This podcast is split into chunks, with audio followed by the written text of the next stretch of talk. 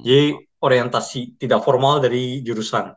Kayak beneran si dosennya juga tidak formal, acaranya tidak formal, ya gitulah. Ini Nah, osjur ya, osjur ya, Di tempat lu ada nggak yang kayak gitu?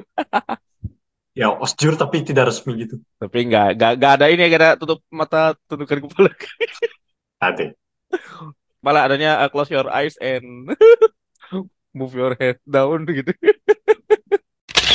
Sabang matematika ini berkembang pesat, di antaranya berkat uh, Fermat, Euler, dan Gauss ya. Ini, udah pasti nama-nama yang terkenal. Kenal. Oke, mungkin bisa dijelaskan lebih lanjut lagi nggak? Misalnya sekarang kenapa ada analytic number theory gitu? Sekarang ada apa lagi? Algebraic number theory gitu. Uh, selanjutnya kita akan definisikan FPB dan KPK, yaitu faktor persekutuan terbesar dan kelipatan persekutuan terkecil. Oh, KPU, kelipatan persekutuan apa Umum, ya? umum. Oke, Keren KPK kelipatan persekutuan korupsi. bukan saya yang bilang.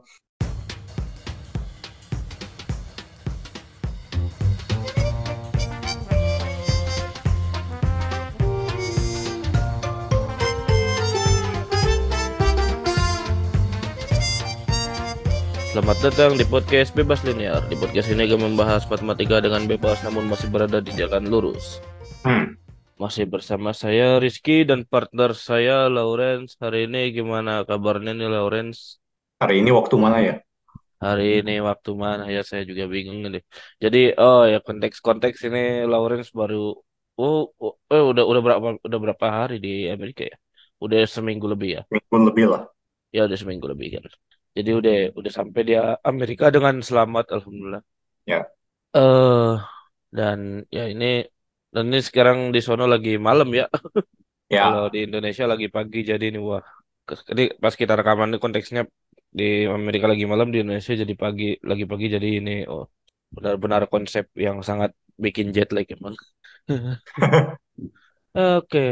Ya seperti biasa kita akan ada recent update dari kehidupan kita beberapa minggu terakhir dan saya yakin dari Lawrence nih banyak update sekali ini. benar. Eh, kalau misalnya mau langsung ke bahasan utama bisa dicek di timestamp di deskripsi ya seperti biasa ya. Eh jadi ya nih kita mau bertanya kabarnya dari Lawrence dulu nih gimana nih? Ada update apa ini? Gue banyak banget. Apa ini? Hari pertama datang, nyampe jam berapa ya? Nyampe sini, nyampe sini tuh jam 11. Ya ceritain dulu dong ini Terus, perjalanannya berapa jam? benar. Perjalanan dari sini ke Doha dulu deh. Itu sekitar 8 jam. Ya. Ya, transit 4 jam. Lanjut ke Chicago. Berapa jam ya? 14 jam ya? Ya. Atau 15 jam. Ya. Doha bukan bukan Dubai. Ah iya, Dubai. Lupa mulu. Iya. Tukar mulu. Saya pakainya Emirates benar. Iya iya. Ingatnya pakai Qatar. Wih. Semua, semua, semua aja sama mahal. Iyalah. Ya. Nah, terus dari Dubai ke Chicago ya 14 15 jam lah. Oh ya. Transit lagi 4 jam, terus ke Lexington-nya cuma sejam malah. Padahal di jadwalnya sejam 20 menit, maka lebih cepat. Ya, terus eh, seperti yang diketahui banyak orang, Bandara Dubai, wah, luar biasa gedenya. Ya itu itu. Buset dah. Gede. Kayak gue mesti sampai naik bis buat pindah gedung. Kayak apa? Kalau di Soekarno-Hatta, eh, terminalnya misa-misa gedungnya. Iya iya. Nah, ini satu terminal aja ada beberapa gedung gitu. Kayak buset, men. Hmm. Kayak gate-nya kan kalau misalnya terminal 3, gate berapa, gate berapa, gate berapa kan. Iya. Yang buat boardingnya. Masih angka doang kan. Iya. Itu udah sama huruf gitu. Uh, A satu A, sekian, A B satu, A sekian. dua gitu ya. Ya. Ya, terus itu eh gue lupa. Yang AB satu gedung, CD beda gedung gitu. Oh, gak salah. Hmm. Kayak gila. Gede banget. Tapi si restoran di dalam bandaranya masih banyak ini. Banyak restoran Chinese juga ada. Yang restoran khas lokalnya ada nggak ya? Nggak ingat. Pokoknya macam-macam lah di sana. Ya. Ya, terus Chicago juga gede. Kayak gua naik naik kereta pindah terminal. Nah, itu kalau pindah terminal kan masih bisa dimengerti lah ya. Nah, terus ya ya gitu kayak yang ini sih apa? Karena ada visa kali ya. Si di imigrasinya nggak ditanyain kayak cek visa maju, cek visa maju. Kayak pas Oh. gua ke Vietnam atau Filipina gitu pasti ditanyain mau ngapain. Ternyata lele om. Oh ya. Eh, bentar. Oh, itu waktu dari apa Dubai ke Chicago terus Chicago ke Lexington itu itu ini kan beda maskapai ya? Oh, ya, yang di Chicago-nya, yang Chicago Lexington-nya. Iya, Chicago ke Lexingtonnya pakai lokalan kan? Ya nggak sih? Ya, ya, ya. Nah itu ini lagi nggak klaim bagasi lagi nggak? Jadi kayak Ya, ngambil bagasi dulu gitu ya, terus dibawa ya, ya. Oh. ya, ya. Oh ya, terus eh di Chicago, buset antrian imigrasinya panjang banget. Ya itu. ya. Gua satu, eh ya, sekitar setengah jam lebih baru nyampe antrian utama. Hmm. Baru satu jam nyam, nyampe di petugasnya. Kayak buset. Setelah satu setengah jam baru dapat bagasi. Kayak gila. Ternyata ini gunanya transit 4 jam. Kalau Iya. pas di Dubai tran- transit 4 jamnya, aduh ini nganggur lama ya. Kalau di Chicago, buset dah. Antrian imigrasinya panjang. Kayak Hmm. semua ke situ, mau yang ke mana-mana juga. Terus gue ketemu teman yang dari Vietnam. Nah, Doi kan di Purdue. Ternyata tetap aja ke Chicago dulu juga. Terus habis dari Chicago baru ke Purdue. Ya. Ya, terus nyampe Lexingtonnya jam 10-an. Ambil bagasi setengah 11. Nyampe rumahnya, diantar. Ya, jadi di sini ada penjemputan dari kampus, bisa request gratis. Hmm. Nyampe jam 11-an. Ya, terus beres-beres dan lain-lain. Lama lah. Pokoknya baru tidur jam 2 lah. Ya, Terus ternyata jam 6 udah bangun lagi lah. Oh, ya, jet lag berarti. Tapi jet lagnya apa? Hari pertama doang sih kalau gua. wajar lah itu 12. Berapa? Zona waktunya 12 jam lebih terus itu perjalanannya berarti kalau di total itu kan 9 tambah 11 ya. Enggak, 8. Ya ya 8 jam benar dari Dubai itu. Ke Dubai. 8 Ke Dubai tambah 8 jam 14 tuh. atau 15 tambah Ya, 1 ya 23-24 jam lah. tambah Tambah 8 jam transit ya transit 31 31 32 jam. 32 jam. Ya. Hmm, Nice one. Ya, jadi di perjalanan apa yang kita lakukan? Ya tidur. Ya Kecuali pasti pas tidur. makan. Ya pasti Kecuali tidur pas lah itu. Pas makan bangun, sisanya tidur. Makanya gue mikirnya gitu kan, biar gak jet lag, eh, jet lag juga ya. ya. Ya, Kebanyakan tidur. ya itu juga. Kayak literally gitu, naik pesawat, ke WC, tidur. Waktunya makan, makan. Terus ke WC, balik lagi, tidur. Kapan makan? Makan lagi. Ntar kalau udah mau ke WC, baru ke WC.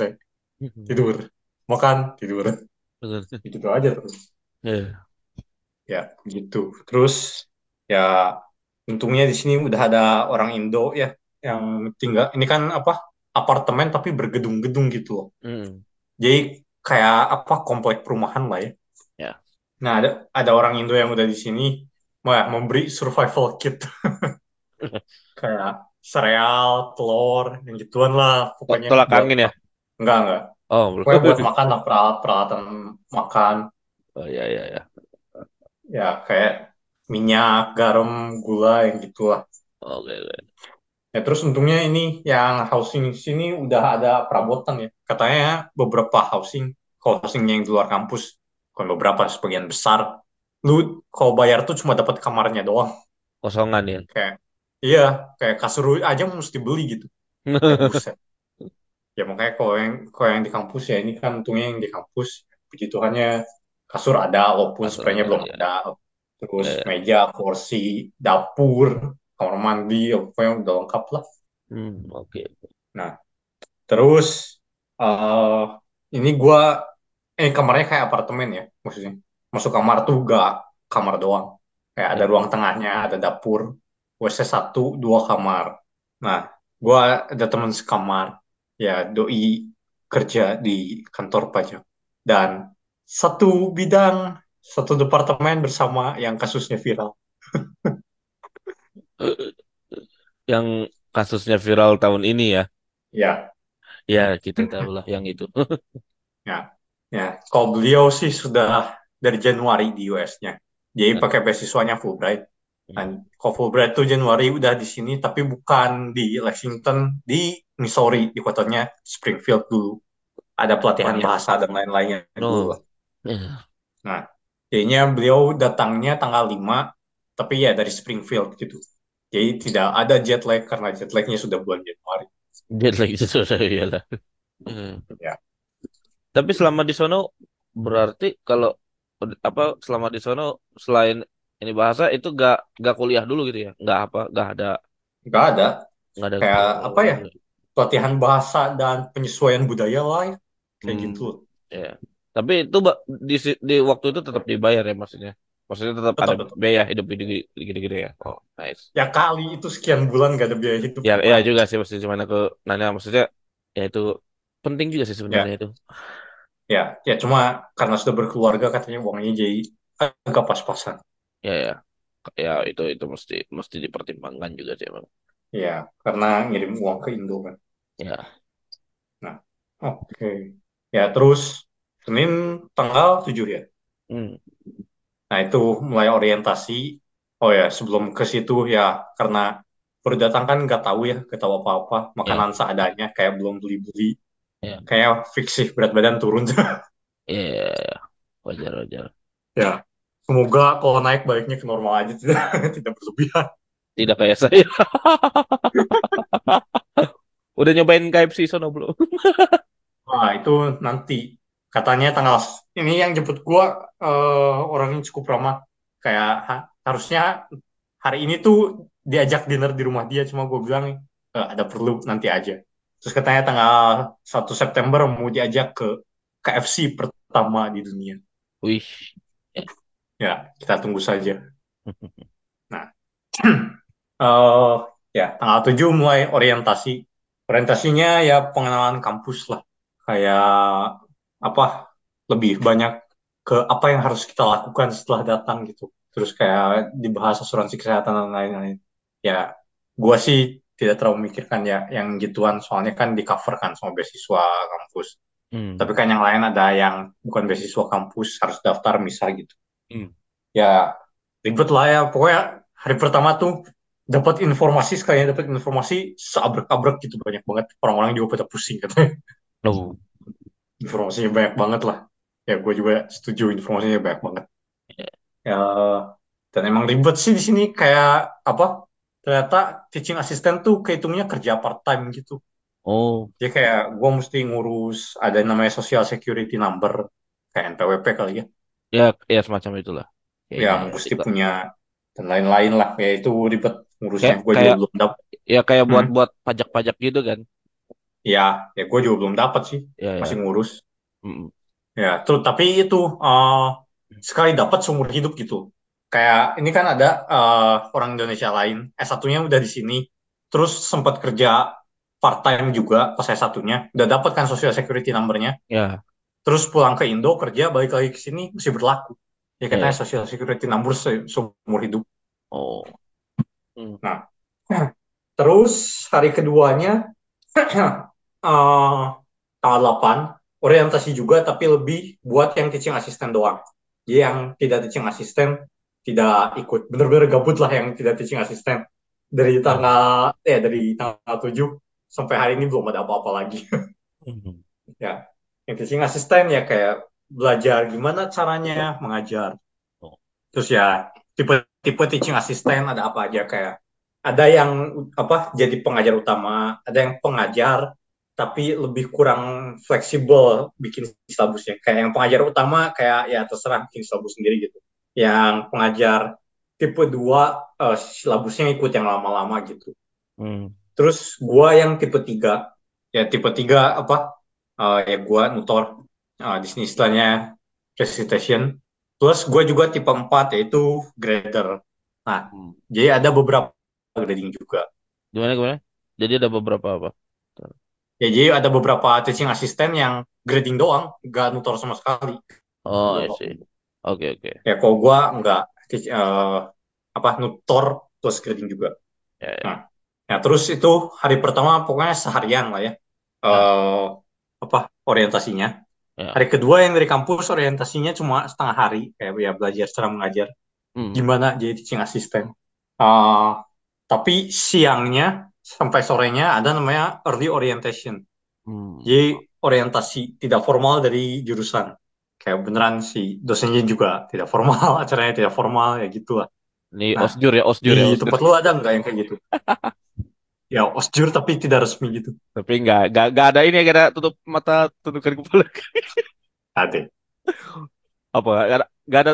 Yang di sana nggak ada tutup mata, tundukkan kepala. Adanya uh, close your eyes and move your head down gitu.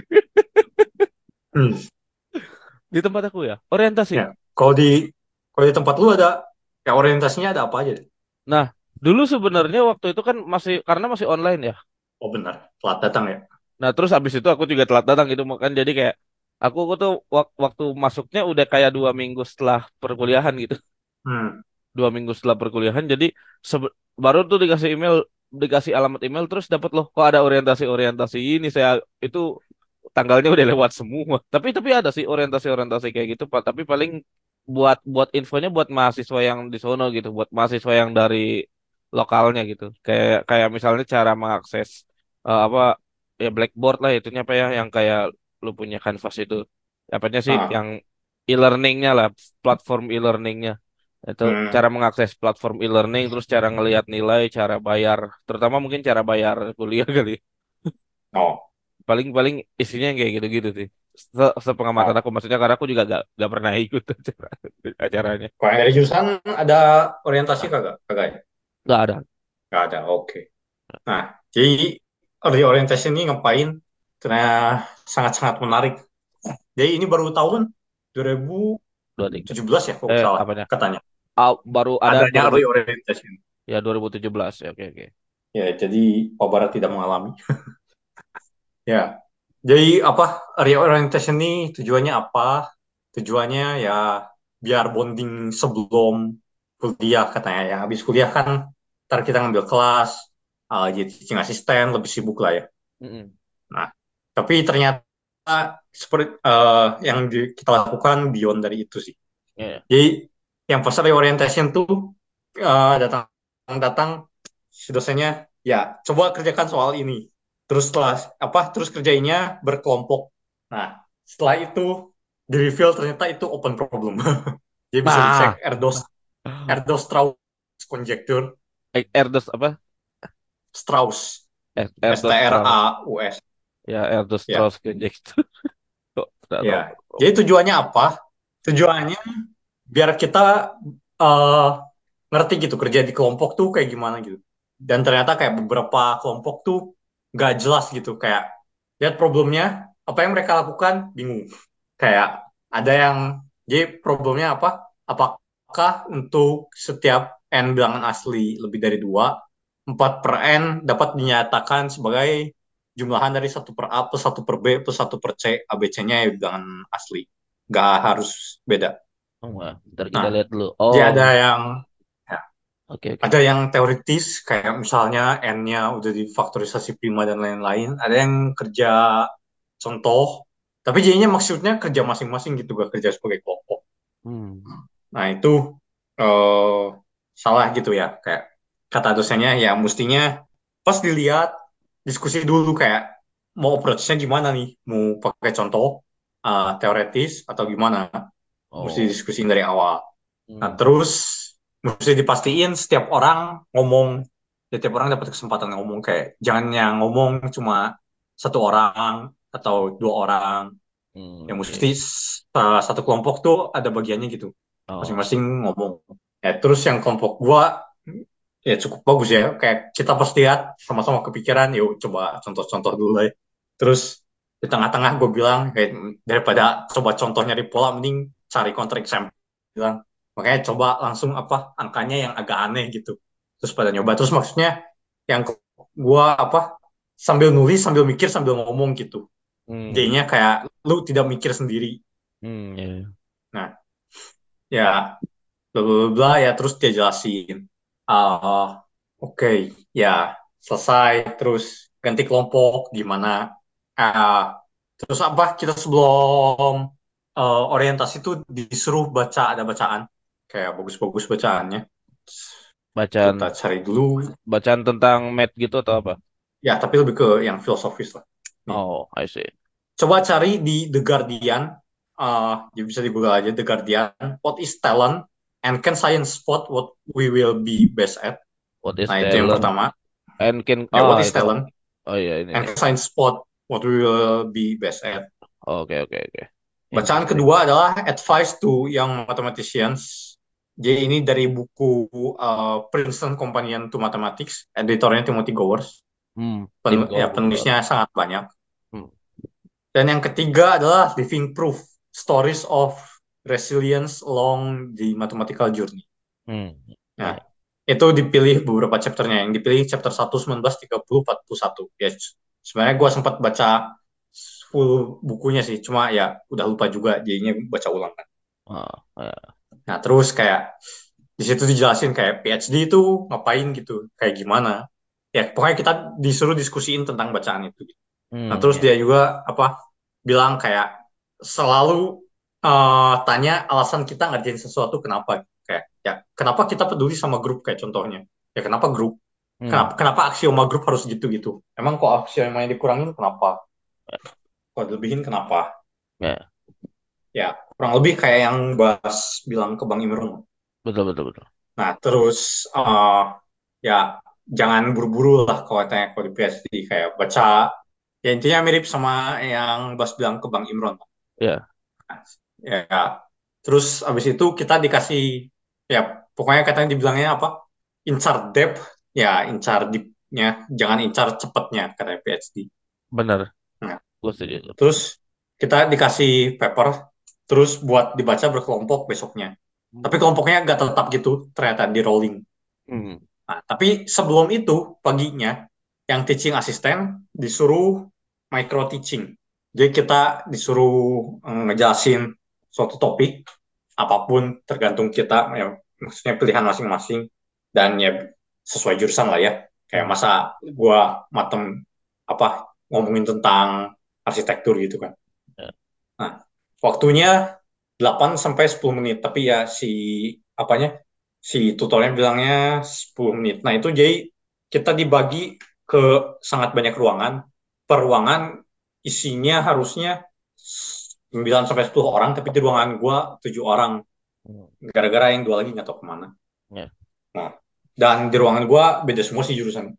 Makanya, oh bagus juga. Ya, dan maksudnya apa yang lu jelasin seruangan harus ngerti gitu. Makanya jangan jelasin yang advance-advance gitu. Masa kita jelasin Fermat-Last theorem kan tidak gitu. Nah, Fermat-Lab theorem sebenarnya basic sih. Proofnya yang advance. Eh, kalau enggak lah, teorem kan semuanya. oh ya ya. Kalau cuma statement dari teoremnya, maka bukan menjelaskan teoremanya. Iya iya. Kasih tahu statement. Iya iya. Iya betul. Ya, pokoknya macam-macam lah. Terus gue akhirnya jelasin eh, empat definisi integral. Hmm. Terus yang lain pada pakai slide semua ya, jurusannya pada truknya pakai slide semua sih. Kayak apa, biologi. Terus ada yang ini, jurusan sejarah. Yang oh maksudnya apa yang yang dulunya kuliahnya sejarah biologi gitu ya? Bukan dulunya, Eh, apa? sekarang. Oh si- oh oh ini micro teaching ini nggak cuma dari math dari macam-macam ya? Iya, ini dari pusat. Oh, oh I see, I see, I see. Makanya, top, makanya topiknya yang seruangan bisa ngerti. Ah, ya yang yang kira-kira bisa digraf ah ya integral kan ya lumayan. Nah, ya di ruangan gua jurusannya biologi, sejarah, eh, material, Hmm. terus yang sebelah gua apa ya? Dadada. Mirip material juga, cuma gua lupa. wih. Apa engineering? ya? Metalurgi apa metalurgi nggak tahu. Kayaknya bukan metalurgi deh namanya, lupa lah. Ya, ya. Terus ada yang eh, dari pendidikan, dia udah jadi guru juga. Mm-mm. Yang satu lagi eh kimia, chemical engineering gitu, Hmm. lupa deh. Ya udahlah. Pokoknya yang engineeringnya lumayan banyak. Oh, I see, Ya, pokoknya yang dari sainsnya lumayan banyak, yang enggak Iya. cuma dua. Nah, yang guru sih kelihatan banget kayak, wah pengalaman sekali nih udah jadi guru, cara ngejelasinnya. Iya, iya. Ya, cuma kayak apa yang dia omongin di awal sama apa yang kita dapat agak beda gitu. Kayak dia bilangnya eh, strategi-strategi mengajar, dia kasih contoh, tapi kayak jadinya ya itu cuma satu strategi dong, nggak jadi strategi-strategi dong. Hmm. Katanya Ya. kan dibilangnya berbagai strategi, tapi jadinya cuma satu strategi. Nah itu makanya Hmm. yang eh, gua agak apa nggak eh-nya itu itu doang gitu. Sisanya penjelasannya mantap sekali memang guru sih. Ya. Nah, siangnya kita baca paper. Nah, jadi dibagi ke beberapa kelompok, baca paper, ntar si dosen dan satu mahasiswa tahun keempat keliling gitu. Eh, ngajarin eh, yang ngecek kita udah sampai mana, bagaimana cara ngetek papernya. Oh. Ya, ternyata eh, ngetek pap- apa baca paper bareng tuh susah juga. Ya, Kayak kita harus nyesuaiin pace kelompok. Kita harus baca apa halaman yang sama. Terus ya gitulah. ya, ya. Ya, intinya apa katanya? Ya ini bela- belajar nantinya kalau eh, diskusi PR kira-kira kayak bakal kayak begini lah. Nah, terus dari situ juga ternyata mengejutkan gitu. Gue kira, eh, oh ya, di juru di Matem tahun ini 21 orang, terus satu Indonesia ya gua, satu Nigeria, Hmm. lima India, sisanya US semua. Mau. Kayak ICTP lebih internasional. Makanya kayak yang gue sebel kalau udah ngumpul sisanya orang US tuh mereka ngomong tentang daerah masing-masing, tentang sekolah masing-masing yang gue tidak relate. Iya, Kayak, udah lah, gue dengerin doang lah, gue amat lah. iya. Kayak Tapi ya, hati gue, apa, iya. Ya, tapi ya, maksudnya hati gue, apa kayak, gimana gimana? kenapa gitu, kayak, apa, ya jangan ngomongin tentang kalian doang gitu kan, maksudnya ada gue Iya, juga iya. gitu. Iya, iya, iya. Eh, Jump jump in aja kalau gitu. Enggak ya? Agak susah juga Ya mungkin. aneh lah, Iya sih. SKSD tiba orang lagi ngomong eh ya gue dulu sekolah Katolik oh ya gue dulu sekolah Kristen eh ya gue dulu sekolah sini sekolah negeri ya sekolah negeri lu nggak tahu sih. Iya, iya. Tapi itu apa? Tapi tapi kalau dipikir-pikir sebenarnya US itu kan maksudnya kan itu kan sebenarnya se- kumpulan negara ya kalau dipikir-pikir ya. Se Seprovinsinya itu kayak luasnya luas kayak negara itu kan apa state itu kan. mungkin kayaknya Tapi nggak juga sih ya, ya, tergantung negara apa yang lu refer ya maksudnya state satu state itu luasnya bisa kayak negara negara katakanlah negara-negara Eropa gitu. Luasnya gitu. oh iya enggak ya Ya, kayaknya maksudnya sih makanya makanya soalnya soalnya itu kan kumpulan United of States kan sebenarnya. Makanya dia disebutnya negara bagian gitu. iya tapi seluas negara Eropa enggak ya nggak yakin bisa jadi Ya, jadi kayak maksudnya ketika bahkan maksudnya untuk yang sesama US aja gitu kayak masih ada perbedaan-perbedaan yang apa ya kayak bisa diomongin gitu.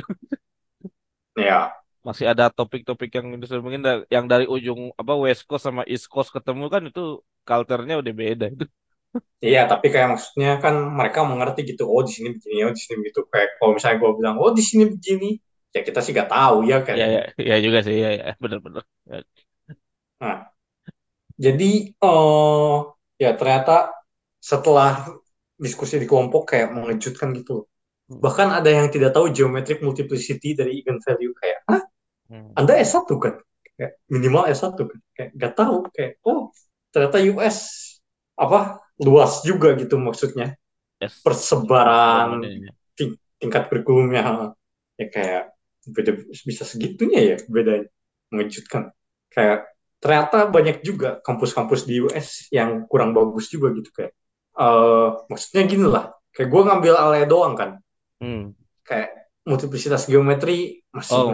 tahu Oh ya, oh ya, ya. multiple geometry itu yang ini ya, apa yang basisnya kalau kita punya basis si basisnya ini dimensinya berapa gitu ya, ya sih? Ya, ya basis Ya. ruang ingat basis ruang EG-nya dimensinya berapa? Kalau aljabar kan dia kalau misalnya kita expand ke polinomial, polinomialnya pangkatnya berapa? Betul betul. Enggak. bukan polinomial pangkatnya berapa sih Apa akarnya si si multiplicitasnya ya berapa ya ini multiplicitas akarnya ya. ya. Itu gue. ya Nah. Tadi gue gue sempat agak lupa bentar, ini yang mana? Oh, yang itu ya, yang itu. Benar benar. Mungkin gue ya kayak agak ya lupa nama, inget Sesimpel- rasa. Nah, ini salah satu contohnya. ITB juga penyebarannya luas. Kayak gue datang geometrik multiplicity masa gak tahu kayak dalam hati gue lah kan daya satu ya Iya, ya, enggak, enggak, enggak. Ini maksudnya ya terus buat oh yang itu ternyata yang ini. Ya, ya yang itu. Hmm. Ya. Maksudnya ini kan oh, banyak ya. ya terus eh apa lagi ada juga yang tidak tahu apa kom gak, eh, analisis kompleks kayak apa nggak tahu kayak mengejutkan Hmm, I see, I see. Ya, ya. terus eh ada yang nggak bisa baca simbol gitu loh kayak ini kan papernya banyak simbol ya Hmm, eh lu ambil anmat kan Anwar ya. belajar teorema Gers-Gorindis enggak? Tahu, tahu, tahu. Ada, ada. Nah itu kan kayak teoremanya banyak simbol ya. Hmm, ya. Ternyata kayak lah lu ngerti simbol aja kagak ini kayak maksudnya gue lihat simbol sekilas deret oke definisinya kayak lah ini masih loading dulu ini apa ini apa indeks aja loading dulu wah kayak maksudnya eh, apa di otaknya nggak langsung proses gitu. Kalau gue kan apa lihat lihat sum langsung di expand gitu di otak gue ya. Sumnya apa gue Iya, expand. Iya, iya. ini lihat sum langsung bingung kayak hah? Bingung kayak mengejutkan. Terus Hmm. kayak eh, ada simbol-simbol dia gak ngerti kayak hah? mengejutkan. Terus salah satu buktinya kan teorema Gershon-Corinthus pakai kesamaan segitiga. Iya, ya. Nah, si papernya dari kesamaan, ambil absolute value, gak dijelasin kesamaan segitiganya gitu. Dia bilang, using triangle inequality, we get bla bla bla. Terus Hmm. ada yang bingung kayak, hah? Kok bisa kayak, lah, kan tinggal kesamaan segitiga gitu kayak, masa gak tahu kesamaan segitiga kayak, gak mengejutkan lah. Hmm, Iya, iya. Ya, pokoknya banyak yang mengejutkan. Tapi yang uh, imba-imba ada maksudnya yang baca papernya mengerti gitu ada Itu pasti ada lah ya. Ada ada tapi yang nggak ada eh, yang gue lihat ya adalah orang yang mempertanyakan setelah baca gitu Hmm. kayak eh, ini Gers Gorindis ini statementnya ini buktinya selesai gitu kan Hmm. terus udah nulis contoh juga nah terus yang questioning cuma gue gitu kayak bisa nggak ini kalau semuanya apa nilai IG-nya di boundary gitu Hmm. Terus bisa nggak apa si kan ini union disk kan Iya, iya. bisa jadi nggak connected kan. Iya, ya. Nah bisa nggak Betul, di salah betul, satu connected komponennya kosong nggak ada nilai event sama sekali gitu. Oh. Dan sebagainya dan sebagainya gitu kayak hmm ya juga. Terus kayak lah masa anda gak kepikiran gitu abis baca statementnya kan banyak banyak apa banyak kasus-kasus menarik gitu. Benar, Nah. benar, benar. Ya ya itu makanya apa eh ya yang dibilang itunya dosen gua gitu. Questioning juga ternyata butuh skill gitu. Dan di PhD belajar questioning kayak menarik. Iya. ya. Dan sebagainya lah. Kayak ya dalam hati gua wah canggih juga. Kayak maksudnya harusnya gue yang dari negara berkembang yang tertinggal gitu. Kayak ternyata enggak juga gitu. Ya. dan ternyata banyak kayak saran kayak dari yang Bas dari yang dosen gua kayak sudah gua lakukan gitu ya. Pokoknya magic lah ya itu sih makanya gunanya membaca sana sini. Kayak baca artikel maksudnya bukan artikel matematika ya. Filosofi tentang bermatematika dan lain-lain. Hmm. ya kayak belajar gimana caranya belajar dan lain-lain. Nah, iya, iya. oke lah jadi di rolling ya baca papernya jadi abis satu setengah jam sambil break di rolling grupnya. Iya. terus maksudnya ya biar kenalan lagi sama yang lain. Terus ya kalau misalnya ada yang udah agak jauh ya mundur lagi deh kayak eh, ulang lagi deh yang tadi dia udah bahas di kelompoknya yang belum jauh ya kita catch up lah gitu Hmm. terus katanya biasanya jarang eh, yang beres papernya selama early orientation jadi early orientationnya Rabu siang Kamis seharian sama Jumat eh sorry iya benar yang baca papernya doang ya Hmm. kan Selasa siang belum baca paper Hmm. yang baca papernya Rabu siang, Kamis seharian, sama Jumat pagi. Buat bagi. Hmm. Nah ternyata pas Kamis itu udah pada beres gitu kayak kata si dosennya, oh jarang-jarang ini, cepet banget katanya. Terus dia kasih paper baru juga, cuma sehalaman udah pada beres juga kan. Oh. Itu lebih gampang lagi kayak bukti jumlahan dari satu, satu per n kuadrat 9 pi kuadrat per 6. Hmm. Bukti Nah, ini buktinya ya, gimana? Hmm, ya buktinya gimana? Ya, ini siapa ya author papernya? Gue lupa. Eh, pokoknya tidak akan gue jelaskan di sini.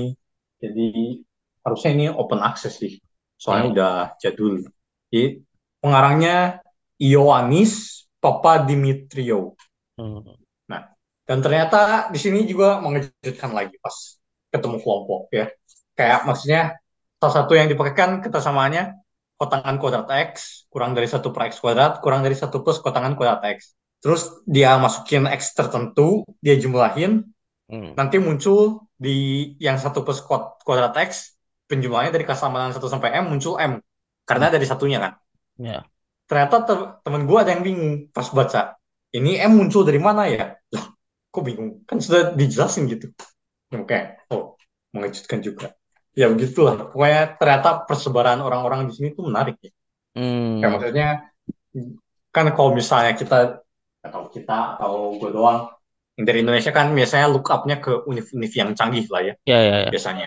Ya, ternyata ada juga loh yang kurang canggih. Ya, maksudnya ada bagusnya juga kita sih look up ke univ-univ yang canggih kayak maksudnya buat mengejar ke sana kan. Buat ya, ya. Kalau ntar apa lihatnya ke univ-univ yang kurang canggih, ah Amerika aja gitu, ya kita kurang canggih juga gak apa-apa ya, kayak Yang kurang nggak gitu juga. dong, yang nggak gitu dong. Iya, Ya, makanya. betul betul betul. Iya, kayak wow menarik. Cuma eh selama orientasi ya itulah menarik kayak belajar caranya bekerja sama dan lain-lain. Hmm. Terus yang Jumat pagi itu si dosennya bahas gimana caranya questioning. Ya, kayak kita habis baca paper ini udah terbukti lalala, ya terus apa gitu. Masa udah beres gitu aja kayak maksudnya yang gue bilang tadi kan habis baca teorema Gershgorin-List ya terus udah beres gitu aja kan. Tidak, ternyata masih banyak yang menarik gitu kan. Hmm. Masih banyak hal-hal yang bisa ditanyakan gitu. Nah, sayangnya gue tidak bisa ikut Nah, Jumat pagi karena apa harus ada screening language ya. hmm. Jadi uh, yang te- teaching assistant yang internasional screening language lagi memastikan kalau Anda benar-benar di kelas mengajar nutor si mahasiswanya mengerti gitu lah. Ya. Walaupun nilai tes Inggrisnya udah cukup lah ya menurut persyaratan bahasa. Hmm. Tapi ya katanya kita harus menguji lagi lah. Ya udahlah. Terus tadi gua screening language-nya jadi bagian pertama di interview. Jadi interviewnya kayak ya selama kuliah kesulitan yang dihadapi apa aja bla bla bla bla bla bla bla. Terus kayak micro teaching lagi cuma waktunya lebih singkat gitu, 7 menit doang. Hmm. Ya, habis itu simulasi office hours. Nah, simulasi office hours-nya kayak ada mahasiswa datang, saya skip dua kelas, eh, apa yang harus saya lakukan, ada informasi penting tidak, terus ya kita sebagai teaching assistant menanggapinya gimana gitu. Oh, kalau kayak ada yang saya ini apa? Saya gak ngumpulin PR yang waktu ini gimana gitu ya? Ya, itu gimana. Iya. Tapi katanya sih apa yang office hours ada yang gitu, tapi ada juga yang nanya materinya sih. Cuma kan ini namanya juga simulasi ya. Maksudnya Hmm. pesertanya kan belum tentu dari matem kan. Ya, Jadi ya. yang umum aja gitu. Hmm. Ya gue juga office hours gimana nanti pelaksanaannya ya kita tunggu saja. Kalau sudah mulai. Aduh, besok Gue mau ujian sih. Besok mau ujian nih bocorin dong. Oke. Oh ya terus ya Oke, oke. apa udah di udah di emphasize gitu sama uh, dosen sini. Kalau di US udah biasa PR tuh mingguan. Hmm. I see. Ya, makanya kayak hmm, sepertinya saya tidak mencium sesuatu yang familiar dari ITB. Hmm. Ya, terus PR mingguan ya. Kayak itu kan yang yang Ya. kelas apa yang kelas yang di Harvard itu mat mat 5 berapa tuh? semua lah, Ya yang yang semua ya itu mingguan. yang waktu itu yang yang famous kan yang mat 5 berapa sih? Mat, mat apa ya namanya? Lima-lima ya. Mat 55 ya. Hmm. Ya, itu kan itu kan Iya. yang famous PR-nya mingguan terus PR-nya sulit. Itu semua course PR-nya mingguan. Apalagi kalau yang graduate PR doang gitu, biasanya nggak ada, nggak ada ujian. Hmm, ya ya. Ya, begitulah. Hmm. Ya, terus apalagi selain orientasi tentu saja survive mencari bahan-bahan makan. Data di sini apa? Ini dia. Ini eh, yang paling gedenya Walmart. Walmart. Nah, Ya Walmart. gue nggak tahu di negara apa aja ya adanya. Kayak maksudnya Aldi kan dari Eropa, ternyata di Aldi, sini juga ya. ada Aldi. Iya. Cuma nggak ini eh, tidak populer lah di sini. Biasanya pada ke Walmart. Hmm. Nah, terus Walmart, buset dah gedenya. Padahal cuma satu lantai tapi gedenya, wuh. Ya. Dan literally lengkap gitu. Peralatan masak ada, vacuum cleaner ada, tong sampah ada, sabun cuci muka ada, baju ada, kayak lengkap lah itu bener. Kayak tos- kayak tos serba tapi cuma satu lantai. Ya kayaknya kayak jual kayaknya di sana jual-jual kaset-kaset gitu juga beneran ada deh. Kayak Kayak nggak di Walmart. oh. Ya, terus apa lagi ya? Eh, ya sekarang sih so far eh, masak eh, makan makan tuh masak kecuali siang. Kalau siang kadang suka mepet gitu. Breaknya kayak kalau buat balik kejauhan di makan di luar. Ya di dalam kampus maksudnya. Ya. Makan dalam kampus makan apa aja? Baru dua tempat ya. kok nggak- eh tiga. Karena yang orientasi makan gratis. Hmm. Yang pertama itu di kantinnya. Cuma ternyata kalau bayar mahal lah. Nah, itu kayak sistemnya kayak buffet gitu. Ya. Lu keliling ngambil-ngambil gitu lah. Terus tempat yang kedua apa nama tempatnya Kidoba buat Meksiko ya, makanan Meksiko. Terus yang ketiga Bangkok House ya. Itulah rasa Indonesia. gerbang Rasa-rasa Clubhouse ya mah. Southeast Asia ya. Iya. Ya, Terus apa yang kita coba tentu saja harus yang kita tes dari sebuah restoran Asia Tenggara adalah nasi goreng. Nasi goreng pasti yang gitu. Tes ininya ya. Iya dong. Pasti nasi Tes goreng. apakah restorannya bagus atau tidak. Nasi goreng. Ya, ternyata setelah dicoba, gue gak tahu yang hitam apa ya, kayak bukan merica agak gede, itu bikin terlalu asin menurut gue ya, Oh, tidak gue. hmm, ya ya ya. ya. Ya, soalnya ini teman sekamar kan orang Jawa. Hmm. Apa yang gue masak, gue kira asinnya pas, terlalu asin. Oh iya, Jawa.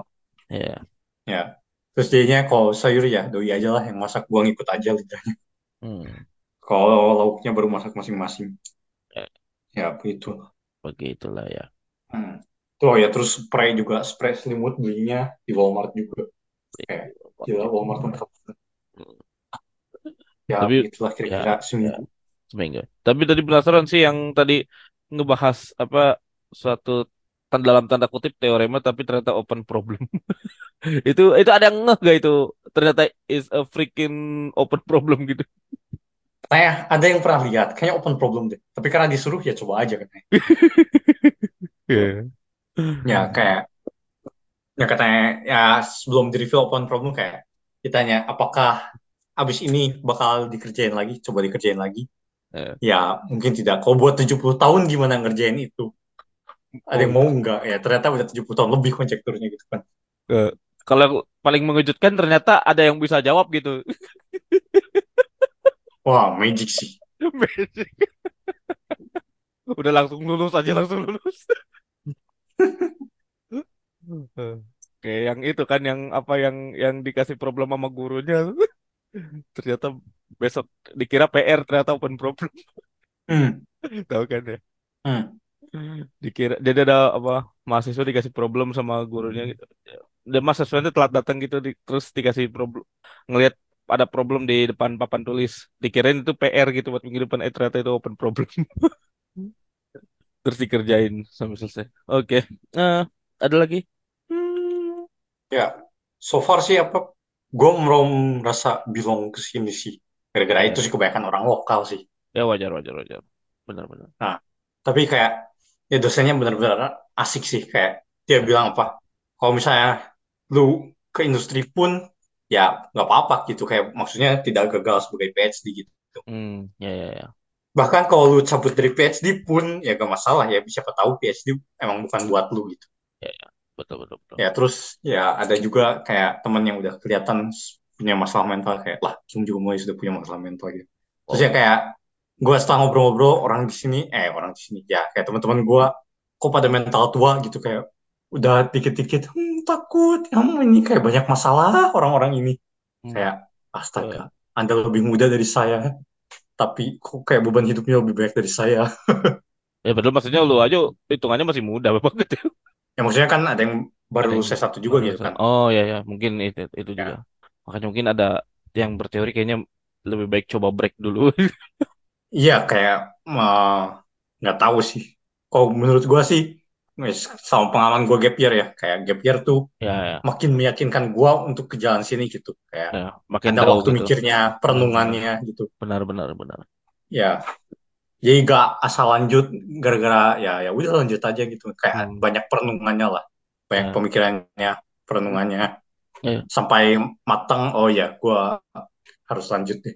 ya. lu pernah ngomongin soal ini nggak student loan gitu nggak di sana Itu apaan? oh jadi kayak di kalau di Amerika itu kayak misalnya mau ngambil kuliah jadi ada yang misalnya gak mampu gitu ya ini ini setahu gue ya ini seingat gue mungkin ada yang salah. Ini pasti banyak yang salah ini. Tapi kayak misalnya gak mampu gitu jadi kayak bisa ngajuin student loan gitu. Misalnya mau kuliah ta- nah nanti habis lulus kuliah misalnya kerja nih. Jadi pinjaman itu pinjaman Oh, jadi kayak habis habis kerja pas kerja baru dilunasin gitu. Ada utang berapa gitu gitu, kayaknya kayaknya enggak gak sih? Kayak yang di yang gue gak tahu ya. Yang gue denger sih yang Harvard MIT subsidi silang, yang nggak mampu lu tulis berapa, terus ya udah nggak nggak harus diganti, ya emang ditanggung ya kayak subsidi silang. Ya, ya. cuman maksudnya ya, sepembacaan aku ada ada sistem kayak gitu juga sis- sistem student loan. Justru yang student loan tuh di Singapura, Oh, QNUS gitu. oh, isi. Kalau Iya, US nggak tahu sih, yang kampus gedenya sih nggak student loan. mungkin mungkin ya, tapi tapi mungkin belum ini ya. Apa mungkin kita kurang tahu juga maksudnya kampus mana aja yang Ya, ya. kayak masalahnya yang di sini udah pada punya mobil, kayak masa gue tanya student udah pada punya mobil.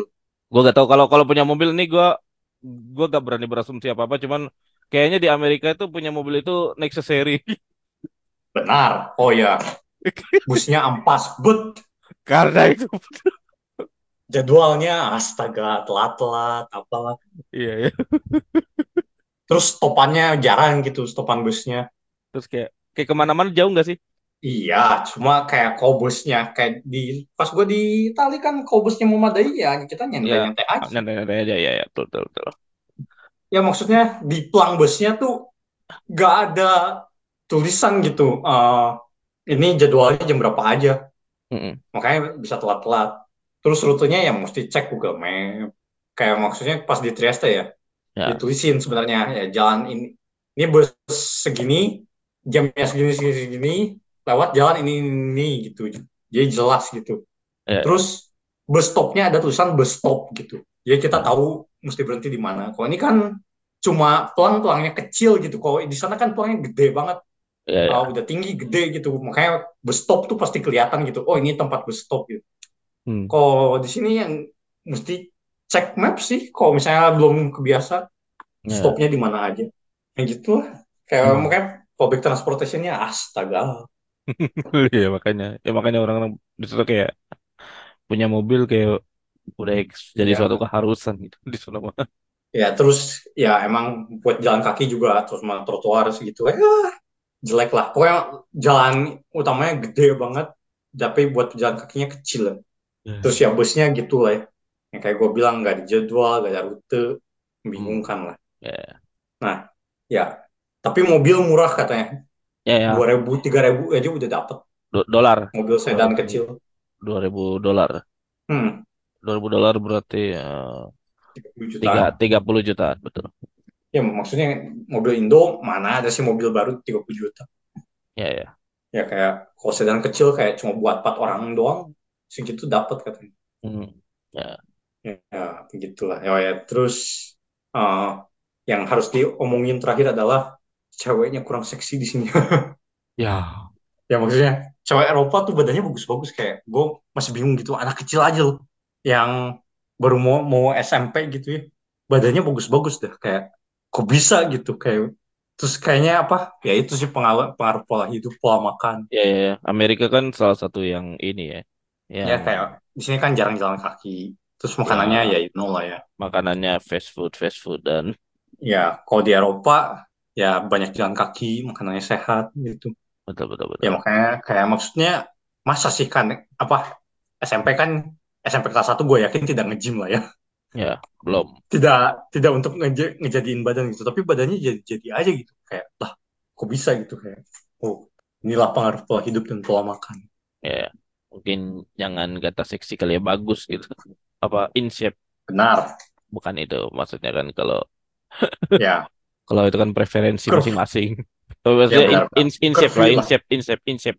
Kita bilangnya in shape mungkin ya. ya. To make it PG-13. ya. Ya bilangnya apa ya? Pokoknya badannya bagus lah ya. Iya. makanya kayak yang cowoknya juga badannya tegap gitu. Di sini yang biasanya yang olahraga sih yang gitu. Yang gak olahraga enggak sih. Ya, ya. Kalau di Itali yang olahraga gak olahraga sama kayak cowoknya juga badannya tegap kayak dadanya bidang gitu kan Iya. kayak Iya. badannya benar-benar bagus gitu cowok cewek Negara kalsio lah beda. Iya. Terus di sini eh, yang gue kaget juga ada orang mukanya normal, maksudnya kayak kelihatannya gak gemuk, tapi badannya lebarnya astaga, Oh. kayak penipuan macam apa ini? I see, I see. Ya inilah kayak pola pola makan, pola hidup itu ya ini Pola. pengaruhnya. Iya, Salah satunya ke bentuk tubuh selain kesehatan ya. Benerin transportasi umum dulu. Jalan kaki lah dari Jalan. selain transportasi umum juga jalan kaki. Iya, Kayak iya. bener-bener gak tempat jalan kaki. Iya, iya. Oh, kayak pas di Bulgaria kan ada kan tempat yang lewat tuh cuma bisa sepeda, Ya skuter sama jalan kan. kaki ya, ya kayak Kayak kendaraan bermotor gak, gak boleh lewat situ. ya taman-taman gitu Nah, kan iya. banyak ya. nggak taman sih. Kayak Ya, maksudnya kanan kirinya toko-toko tapi itunya benar khusus benar buat benar benar. kaki kan. Benar benar benar. Nah, makanya kayak yang gitu gak ada di sini. Sepeda aja mesti lewat trotoar kayak Ya, ya, buset makanya. Makanya kayak kayak yang buat tinggal enakan Eropa sih kalau menurut gue. ya, ya, ya, ya, benar benar. Ya, ini ini ini bukan ini konteksnya bukan bukan body shaming apa apa ya karena saya juga bentuk badannya ya kayak yang seperti yang disebutkan tadi sama Lawrence itu. Tapi maksudnya ini ini maksudnya shaming. Ya ya tapi maksudnya gua kita mencari ya orang yang indah dipandang. bukan masalah yang dari pandang, at least sehat dulu sih sebenarnya menurut aku. Aku karena aku karena aku sadar gitu maksudnya bentuk badan kayak aku juga gak, gak sehat gitu. Ya, kayak Maksud kalau udah sehat harusnya ya bentuk badan tuh ya mengikuti juga. benar benar benar.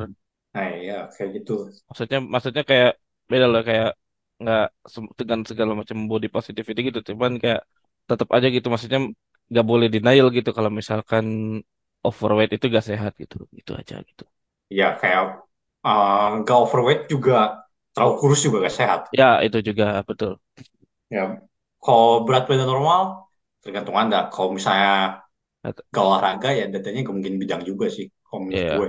Nah itu ya juga. Ya maksudnya olahraga juga kan buat sehat itu. Tapi ya plusnya jadi juga badannya. plusnya itu itu itu ya Ya tapi gue juga kan setelah olahraga oh ya ada perubahan juga. Lebih ya satu lebih jarang sakit. Ya dua ya badannya lebih bagus sih. Kayak pakai baju lebih enak dilihat. ya ada gym juga di sana Ada. Nah cuma gue nggak tahu kata ini kan ada yang udah satu di sini ya. ya Katanya kita kalau udah aktif student ke enroll gymnya otomatis. Nah sekarang nggak tahu udah ke enroll nggak tahu belum. Nah ya tapi ya walaupun ada gym kayak gue tetap sih di kamar aja cukup harga.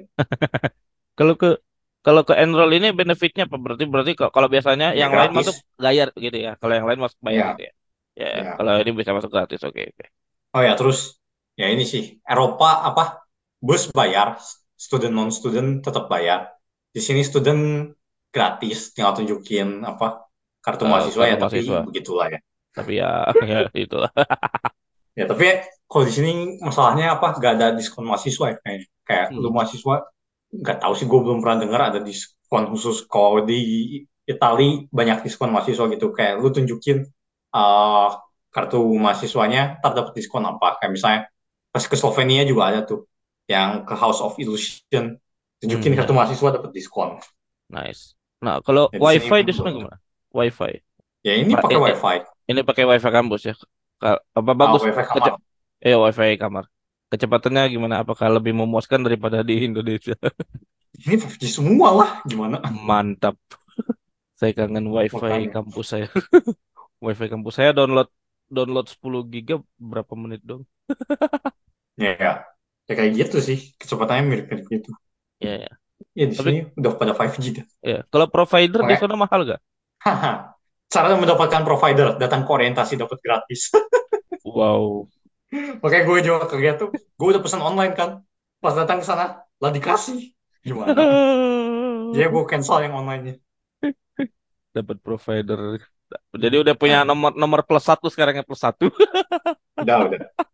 plus satu. Nah, provider tergantung provider. Ya, Dibanding ya. Eropa, ini gue bandinginnya sama Eropa ya. Ya, ya. Di sini lebih mahal, Oh, lebih pelit lah. Kayak lu di Eropa 80 giga unlimited telepon, unlimited SMS Per bulan. cuma per bulan cuma 8 euro. 8 euro. 8 euro Ya, berarti eh, ya ya 8 euro kali eh, kali 16 berarti. ya euro euro sama dolar mirip-mirip lah ya. Ya ya ya kali kali 140 kali sekian. 16. Ya sat, oh, 96 nggak sih? Ya 96 sekian. Berarti kalau dirupiahin 9 96 Eh, ke 96 ribu. 96. Enggak, enggak. Kan 88 euro kan? 120 sekian. 8 kali 16 lah boleh lah. Ya ya 16 Yang makanya 17. makanya aku 16. 16. Oh ya, eh 16 berarti 16 8 48. Eh 1 128 128 eh plus 1 30. 120 ribu ya. Ya. Nah, di sini provider yang gua cukup murah. Hmm. Kayak apa pun paketnya 15 dolar. Hmm. Unlimited telepon, unlimited SMS. Wah, internetnya bisa milih ada yang 5 giga sebulan ya. Tapi di sini pelit gitu kayak paketnya 5 giga, 5 gig. 10, 25 unlimited. Hmm, ya. Nah, tapi katanya kalau unlimited eh, kecepatan koneksinya kurang bagus katanya. Tapi Ya, gak ya. apa-apa lah kayak gua pakai internet sendiri juga kan jarang-jarang gitu. Biasanya kan wifi aja. Hmm, ya, ya. Nah, tapi yang uh, sudah pernah S1 di sini, beli provider lain, kalau yang unlimited 50 dolar. Kayak mahal banget. Sekarang dia yang 25 dolar itu 10 giga. Wow. Makanya di sini kayak kalau provider Ero- Eropa lebih murah. Nah, ya, ya. Nah, ya terus yang enaknya Eropa kayak lu ke Uni Eropa bisa dipakai semua gitu. Ya maksudnya ada roamingnya, tapi roamingnya juga gede gitu Ya, ya. kotanya. Hmm. Gitu. Kata kalau kalau saya tuh ada temen dia pakainya masih pakai provider Indonesia karena lebih murah. Masih lebih Roaming. murah roaming iya. Nah, tapi kan di sini maksudnya kalau notif apa banyaknya maksudnya lewat SMS sih. Ah, kalau itu ya, ya Ya kayak maksudnya ap- apa pun notifikasinya gitu kayak misalnya dari kedutaan dari apa lewat maksudnya lewatnya lah, maksudnya SMS betul betul betul. Nah, terus yang jadi masalah adalah provider di sini nomornya recycle gitu. Kayak Oh, nomor gua nomor yang sudah pernah dipakai orang lain.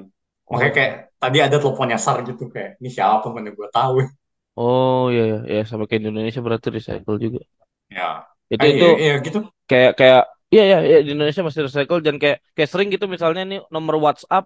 Apalagi kalau WhatsApp kan WhatsApp kan based by nomor ya. Lu inputnya Iya, nomor kan si WhatsApp itu. Iya. jadi kayak WhatsApp ini kok ada orang-orang ini gitu. Ada orang-orang Nah, yang nggak tahu ngubungin gitu. Oh ini mas nomornya ini bukan bukan. Udah beda gitu. Gitu. Ya, ya begitu. ya ya. Ya, apalagi yang mau ditanya. Ya sepertinya dicukupkan dulu ya mungkin kalau update-nya dari Lawrence aja udah panjang ini update dari saya berat sebenarnya lumayan singkat aja sih mungkin Hmm, Kalau update dari saya ya alhamdulillah sudah melewati prosesi lamaran dan tunangan. Ya itu. Ya jadi baru sempat doing match lagi ya minggu-minggu ini. Belum sempat sebelum-sebelumnya makanya. hmm, Kalau kata lu kan waktu itu apa? Yang lebih baik tidak ada summer apa summer break. school, summer break. Cuman sekarang kalau lagi rame itu kayak di kerjaan harusnya ada summer break di kerjaan industri. Ya, kalau mahasiswa kan. Ya, ya kalau ya mungkin itu. Maksudnya la- lagi rame itu. Makanya kayak Kak sebenarnya yang paling enak itu kalau usaha gitu. Usaha itu kan bisa usaha apa aja ya maksudnya kayak event usaha kayak bakso gitu. Jadi Jual apa jual ya enggak dong. Jual, jual jualan bakso gitu bisa bisa istirahat tuh satu bulan dua bulan terus habis itu kerja lagi. Kalau udah sukses. Iya ya, Pak. ya Kalau itu. nah ke bawah ya kudu tiap Ya, hari. ya kalau itu ya ya itu. Eh tapi ya mungkin agak overlook juga sebenarnya kalau usaha-usaha kayak gitu sebenarnya om- omsetnya lumayan gede loh kayak misalnya yang event nasi goreng pinggir jalan itu dibandingkan UMR Tergantung. itu ya, ya ini emang emang rada ini ya rada luas ini spektrumnya memang benar-benar tergantung. Dan ini ini sepengamatan saya saja gitu. Itu bisa lumayan itu. Eh tapi tadi ya itu ya baru sempat doing math lagi itu makanya tadi sempat agak lupa kok multiplicity geometry padahal padahal padahal ini ya ini something lupa nama ingat rasa gitu kayak ini Hmm. ini oh ternyata objek ini gitu ya Ah, maksudnya ya benar-benar getting the connect back into the math maksudnya untuk ngembaliin supaya lu terbiasa ngelakuin math lagi itu ya agak, agak PR memang Hmm. Tapi ya ini, tapi gue gue ngerasa mungkin liburan ini liburan yang tahun ini ya lu- lumayan berkesan sih di gue ya. Karena apalagi tunangan itu kan nggak cuma ngelibatin satu. Itu kan ini obvious ya, ini mungkin obvious tapi ini mungkin perlu di reinstate berkali-kali karena tunangan itu gak cuma gak cuma lu sama pasangan lu gitu. Itu menyatukan dua keluarga sebenarnya. Ya ya. Ini ini emang fakta obvious banget. Cuman itu itu yang mungkin orang ketika udah event udah cinta-cintanya itu udah udah sampai tahapan. Tapi kalau misalnya di tahap ini mentok ya ya gitu. Harus direlain gitu. Ketika di tahap menuju ke lebih seterusnya bentuk gitu ya ya itu ya ya mau gimana lagi tuh dan ya untungnya udah melewati tahap itu aku gitu. Kick dulu. apa Kick orang tuanya dulu. Pergi dulu. Jangan banyak. Jangan banyak ngomong. Kan yang penting lamaran. iya iya iya iya, benar benar benar iya ya Ya kayak gue tidak mengertinya itu sih. Kayak orang tua apa orang yang menikah. Ya harus ada ini harus ada itu. Kan bukan kalian yang menikah gitu. Kenapa? bener-bener in banyak some degree ya ya in some degree ini, ini true gitu bener-bener itu tuh bener-bener iya makanya kayak gue tidak mengerti kayak anak lu yang nikah bukan lu gitu ya ya. Cuman maksudnya ya itu kan idealnya gitu ya idealnya gitu kan. Maksudnya sebenarnya itu kan hmm. harusnya si anak yang pengen menentukan dia mau menikah sama siapa gitu. Cuman ya ini kan ketika kita ya dan maksudnya kalau ada konsep pernikahan tunangan ya dari anaknya gitu bukan dari orang ya ya tuanya betul betul betul betul. Ya cuma realitanya ya nggak bisa se 100% itu gitu. Pasti mesti ada ya. campur tangannya juga gitu. Ya, sama ya itu aku paling minggu ini belajar naik mobil. Kayaknya lu kalau misalnya mau tinggal di Amerika lu harus belajar naik mobil deh. Lam. Serius. gak usah sih yang teman gue yang orang India di Arizona selama ini tidak punya mobil sih nyantai-nyantai aja dia Ya, Hmm. tergantung sih kayak lu mau ke mana aja gitu kayak Ya. kalau kalau misalnya cuma ke kampus dan makan kayak maksudnya di dalam kampus pun ada supermarket gitu Hmm. Ya, ya kayak beli bahan makanan pun bisa di sono ya, ya, kayak kau ke Walmart udah tahu busnya tinggal naik bus. Ya, ya. Kayak tergantung sih buat apa dulu. Ya, ya. Tapi tapi mungkin maksudnya kalau terutama di Amerika ya, aku mikirnya with the that bad public transportation mungkin aku mikir-mikir kayaknya hmm, harus ya maksudnya gak segitu jeleknya juga ya gitu. sih ya sih. Ya ya. Kayak maksudnya eh ya apa emang nggak ada jadwal bus nggak ada waktu busnya. Cuma kalau lu lihat map ya udah lah pasti bisa lah ke mana-mana. Hmm. Ya. cuma kayak maksudnya tidak ramah untuk newcomer gitu. Kalau orang baru datang Oh, pertama kali nggak punya oke. internet ya gimana? Oke oke oke. Tapi ya pengalaman gue belajar mobil ya itu masih baru awal-awal banget sih. Jadi kayak belum terbiasa. Ternyata orang ngegas apa kalau lo mengira orang ngegas itu nginjeknya kenceng ternyata nggak kenceng itu nginjeknya kayak pelan aja gitu sama aja kayak motor lah.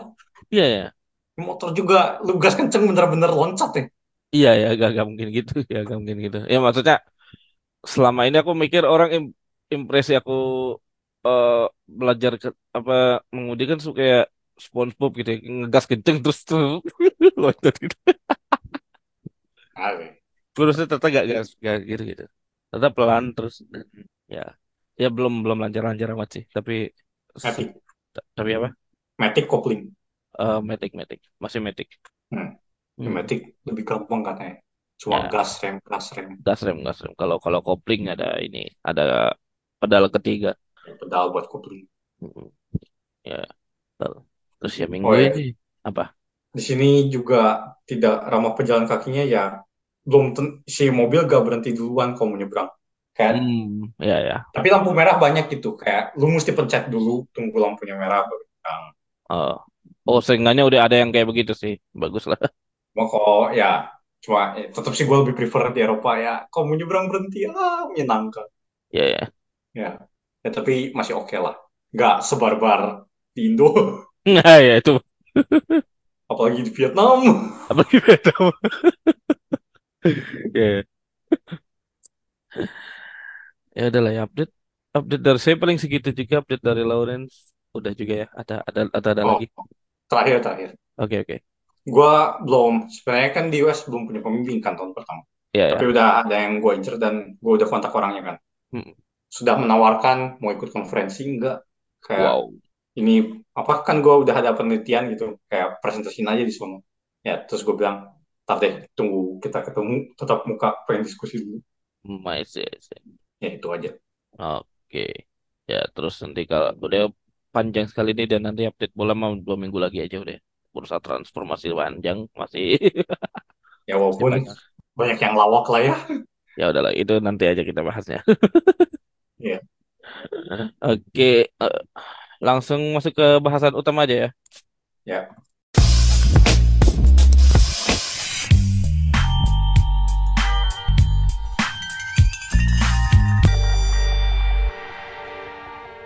oke nih hari ini kita mau bahas apa nih? Ya kita bahas pengantar dari pengantar teori bilangan jadi kita udah diantar diantar lagi. Ya kayak ya sih tapi bahasa Indonesia introductory apa ya? Pengenalan harusnya kan? Ya pengenalan ya introduction tuh apa? Tapi kenapa di sini pengantar sih? Ya kayak mau diantar ke mana? Ya kan ya kan itu tradisi mata kuliah ITB itu pengantar. Teori bilangan, pengantar teori gr- apa graf, kayak mau diantar ke mana gitu. pengantar analisis real. Kalau kayak pengenalan ke kayak pengenalan Hah, tentang atau pengenalan ke teori bilangan kan sih ya, kita paham. iya, ya. Ini pengantar teori bilangan. Jadi apa pengantarnya? eh JNE Apa ini si cepat si cepat apa J dan T, J dan T. ya J dan T makanya pengantarnya apa ini Ya. Oh ya. Kalau di sono adanya apa? Adanya DHL ya DHL.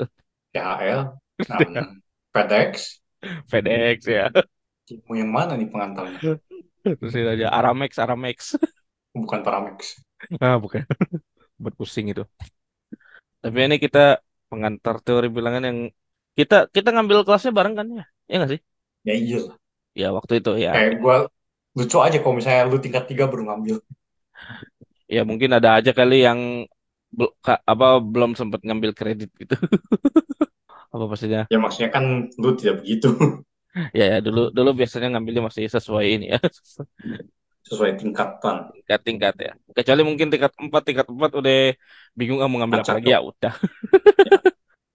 kita menyesuaikan dengan apa dengan persyaratan lulus lah harus ada pilihan dalam lulus. pilihan luar nah itu di tingkat empat baru mikir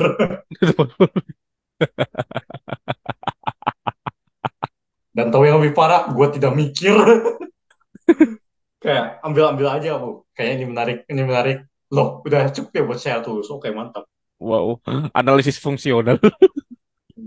Ya, ya. Tapi ya teori bilangan ya yang biasa dipelajari ya bilangan bulat ya. Bilangan bulat terutama mungkin bilangan bulat positif ya. Lebih ke cenderung ke bilangan bulat positif walaupun sebenarnya bisa bisa bilangan bulat negatif juga gitu. Cuman mungkin yang orang kenal bilangan bulat positif gitu. Kayak kalau dari dari SD kita udah tahu apa FPB, KPK gitu ya. hmm. Terus KPU KPU, GPU, ya Komisi Pemilihan Umum. Ya. Terus s- sama mungkin di di SD itu sebenarnya kita udah diajarin ini ya apa? Bilangan jam tahu nggak? bilang aja mau apa maksudnya Dulu ada di SD itu bilangan jam. Jadi kayak sebenarnya itu adalah konsep modul Jadi misalnya jam kayak jadi kayak jam jam 11 tambah 3 jam. Kalau kalau misalnya jamnya 12 gitu gak doang 24 jam. Kalau jam 11 terus tambah 3 jam itu jadi jam berapa gitu kan. oh emang SD ya Ya itu ada di SD ada itu. oh iya gue gak ingat ingat Iya, diajarinnya di rumah ya iya ya. Itu di itu di SD ada bilangan jam. Hmm. Cuman maksudnya itu kenapa konsep itu gak di ini lagi ya, gak dipertajam lagi di, di di yang yang terutama yang bilangan jam itu yang di SMP SMP. nggak tahu Maksudnya di SMP SMA kayaknya kita cenderungnya lebih ke aljabar gak sih? Banyakan gitu. ya Ya, jarang gitu teori bilangannya gitu. ya Biasanya kalau teori bilangan ya kita pelajarin di apa materi belajar sendiri gitu, materi buat olimpiade gitu. Di kalau di Hmm, di sekolah kan paling ya persamaan kuadrat aljabar. Terus apa lagi? Terus habis itu geometri malah paling geometri, kalkulus ujung-ujungnya si integral turunan itu. ya, kombin juga agak banyak ya Kombin juga iya ya itu kombin itu cuma yang ini kan yang kayak apa N Cuska gitu-gitu. ya basic basic ngitung lah Iya ya. Maksudnya kayaknya teori bilangan nggak terlalu didalami gitu di di matematika SMA kita gitu. ya Padahal maksudnya di SD ada gitu fondasinya gitu bilangan jam gitu. hmm Itu yang entah entah mengapa ya. Tapi nggak tahu ini ini pengalaman kita kurikulum lama ya. Kalau kurikulum sekarang mungkin aku kurang tahu ada nggak ya mungkin udah belajar modular form SMP Waduh, modular form gak tuh? Ed, Ed Sheeran bikin album baru modular form. ya kapan nih ditunggu nih ditunggu ya?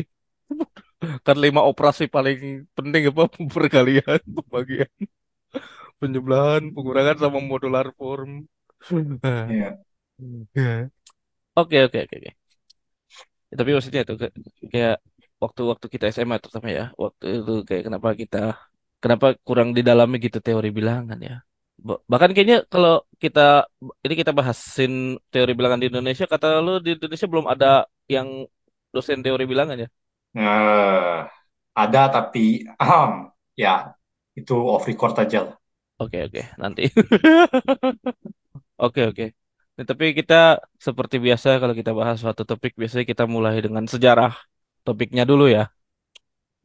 Hmm, Ini kayaknya bisa dibagi dua part nih.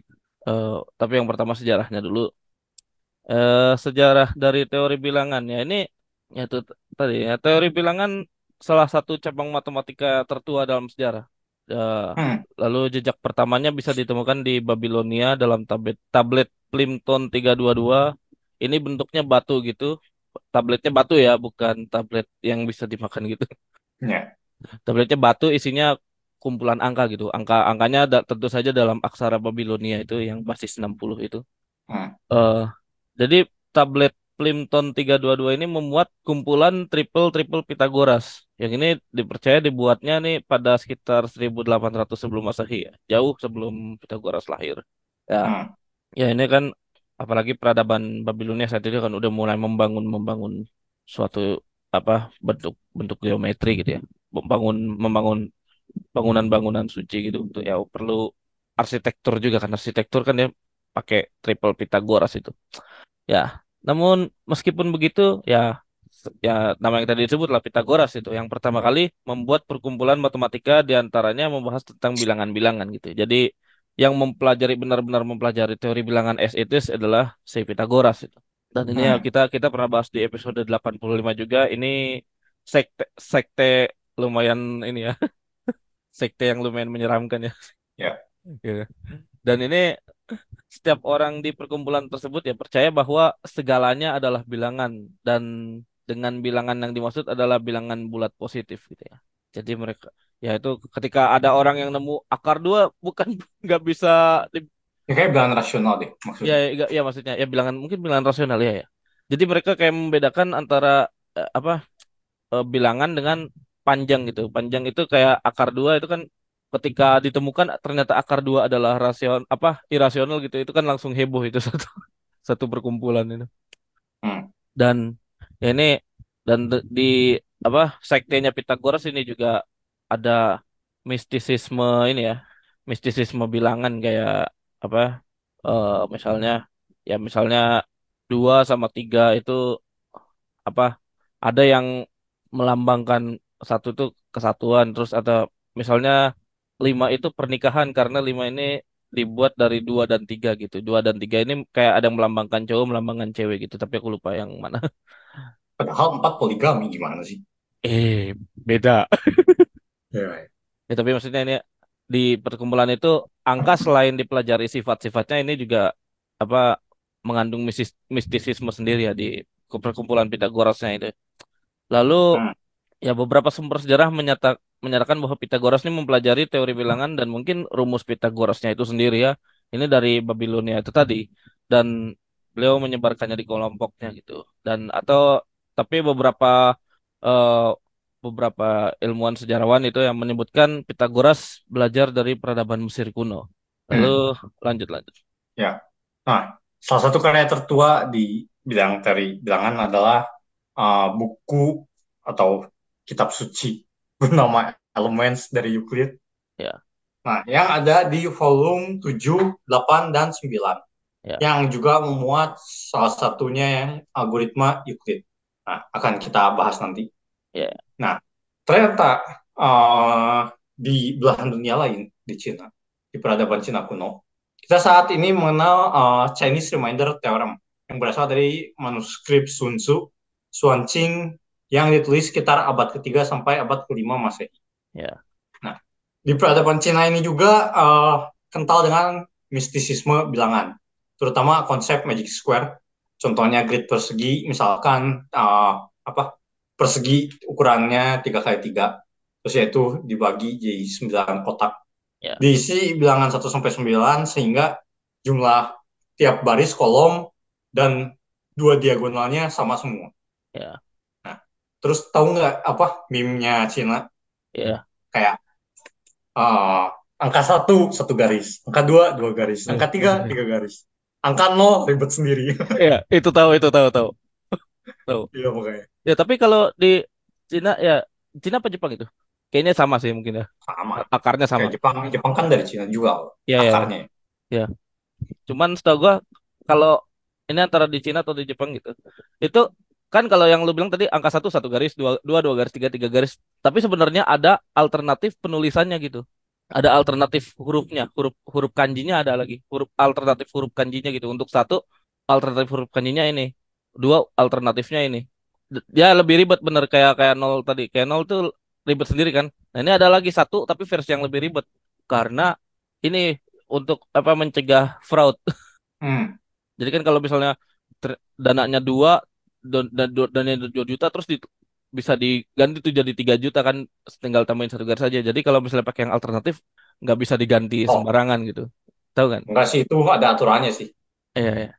Bukan ya itu apa? Lebih ke urutan. Ada sih satu maksudnya. Satu kan i. Cuma ada iya. juga yang yao. Yao artinya pertama. Oh iya. Terus dua itu al, tapi ada beberapa Or. aturan diganti jadi liang. Hmm, iya. Kayaknya ya kalau kalau urutan juga ada sih kayak kayak di Jepang juga ada apa? Ya, Kan kalau Jepang kan Ichi-Nissan tapi kalau buat orang Hito, Futa, Hito, Hitotsu, Futatsu gitu gitu. Ya itu itu ada. Itu ada sis- sisi linguistiknya sendiri gitu. ya. Oke oke. Nah, oke. Ah, sekarang kita pindah lagi ke India. Kayak ya emang dulu kan yang apa? Ya emang peradaban-peradaban zaman dulu Koga Cina, Yunani, India Mesir, India, ya Eropanya juga ini doang ya. ya Arab paling Ya, Arab tapi kan telat maksudnya ya mungkin abad ya belasan. agak agak agak abad abad 10 11 ya. Betul. Ya, kayak abad awal-awal ya paling India, India, di situ. India, betul. Ya, jadi kita ke India. Ada eh, orang yang namanya Aryabhata yang juga menemukan Chinese Remainder Theorem dan algoritma Euclid secara independen. Dan juga ya ini terkenal sih, namanya Brahmagupta. Brahmagupta ini kebanyakan yang terkenal. Iya, ya, banyak. Ya. Dan mem- dia mempelajari apa persamaan pel, yaitu persamaan yang bentuknya x kuadrat kurang ny kuadrat sama dengan satu untuk uh, x, y, dan n bilangan bulat dan n-nya bukan persegi. Ya, tapi uh, kalau begini ya n-nya bilangan asli lah ya. Iya, bilang asli ya. Kalau bilangannya negatif ya jelas tidak bisa, Iya, kecuali si y-nya nol. Nah, lalu kita pindah ke Arab. Nah ini ya emang Arab agak telat ya biasanya. Eh, yes. Berjayanya ya abad 10, 11, iya, iya. 12 gitu ya. Iya, ya. Setelah ya Nah, tuh. zaman jahiliyah, zaman ka- kapan ya? Zaman Dahiliyah itu kalau gak salah ya. Itu itu enam enam ratus Masehi apa ya? Di, di enam Oh, ratus di angka malah. 600 itu. Oh, dikirain abis perkembangan Arab baru zaman jahiliyah dulu. Enggak, enggak, enggak. Jadi perkembangan Arab Ternyata zaman jah ab- ja- jah- zaman zaman jahiliyah dulu jahiliyah. ya, zaman jahiliyah Oh, baru Nabi Muhammad SAW lahir lalu ya itu peradaban Islam kan mulai habis itu ya beliau wafat dan peradaban Islam ya mulai apa berkembang dari, dari sahabat-sahabatnya Nabi itu dari situ. oh ya benar. Oh ya, sorry. Ya Benar. gak apa-apa, gak apa-apa santai santai. Tahun tahun Hijriah 1400 benar. Ya ta- Ya, tahun hijrah kan 1400 kan ya berarti ya sekitar Iya, 600-an sih. benar benar. Ya, oke. Ya, Jadi di Arab ada namanya Ibnu Al-Haytham. ya. Mau sih bahasanya? Benar nggak sih? Al-Haytham benar. Ini bukan Ya. Haytham Genshin bukan.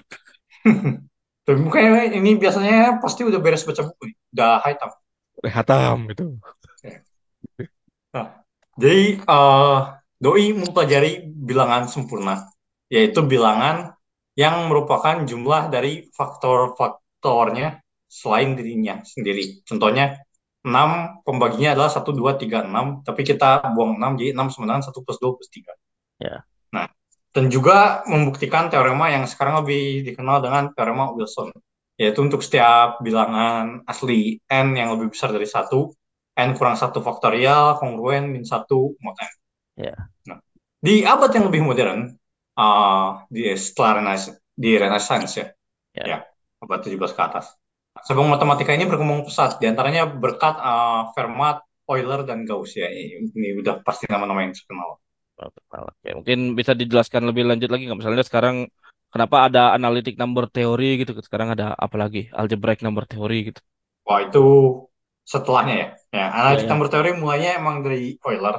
Ya. Kayak Euler buktiin ada tak hingga banyaknya prima dengan cara membuktikan jumlahan dari satu per P, P-nya prima itu divergen. Hmm. Nah, itu mulainya pakai fungsi Riemann zeta, tapi ya Euler waktu itu masih considernya real doang. Nah, Nah, setelah itu uh, tahun 1830-an baru yang beneran analitik number teorinya dari Dirichlet. Nah, itu membuktikan untuk setiap bilangan asli K dan bilangan bulat A, uh, FPB-nya satu, maka ada tak hingga banyaknya prima di uh, AL plus K lah. Ya. Ya, hmm. pokoknya di progresi aritmatik itu. Nah, itu baru beneran pakai analitik number teori.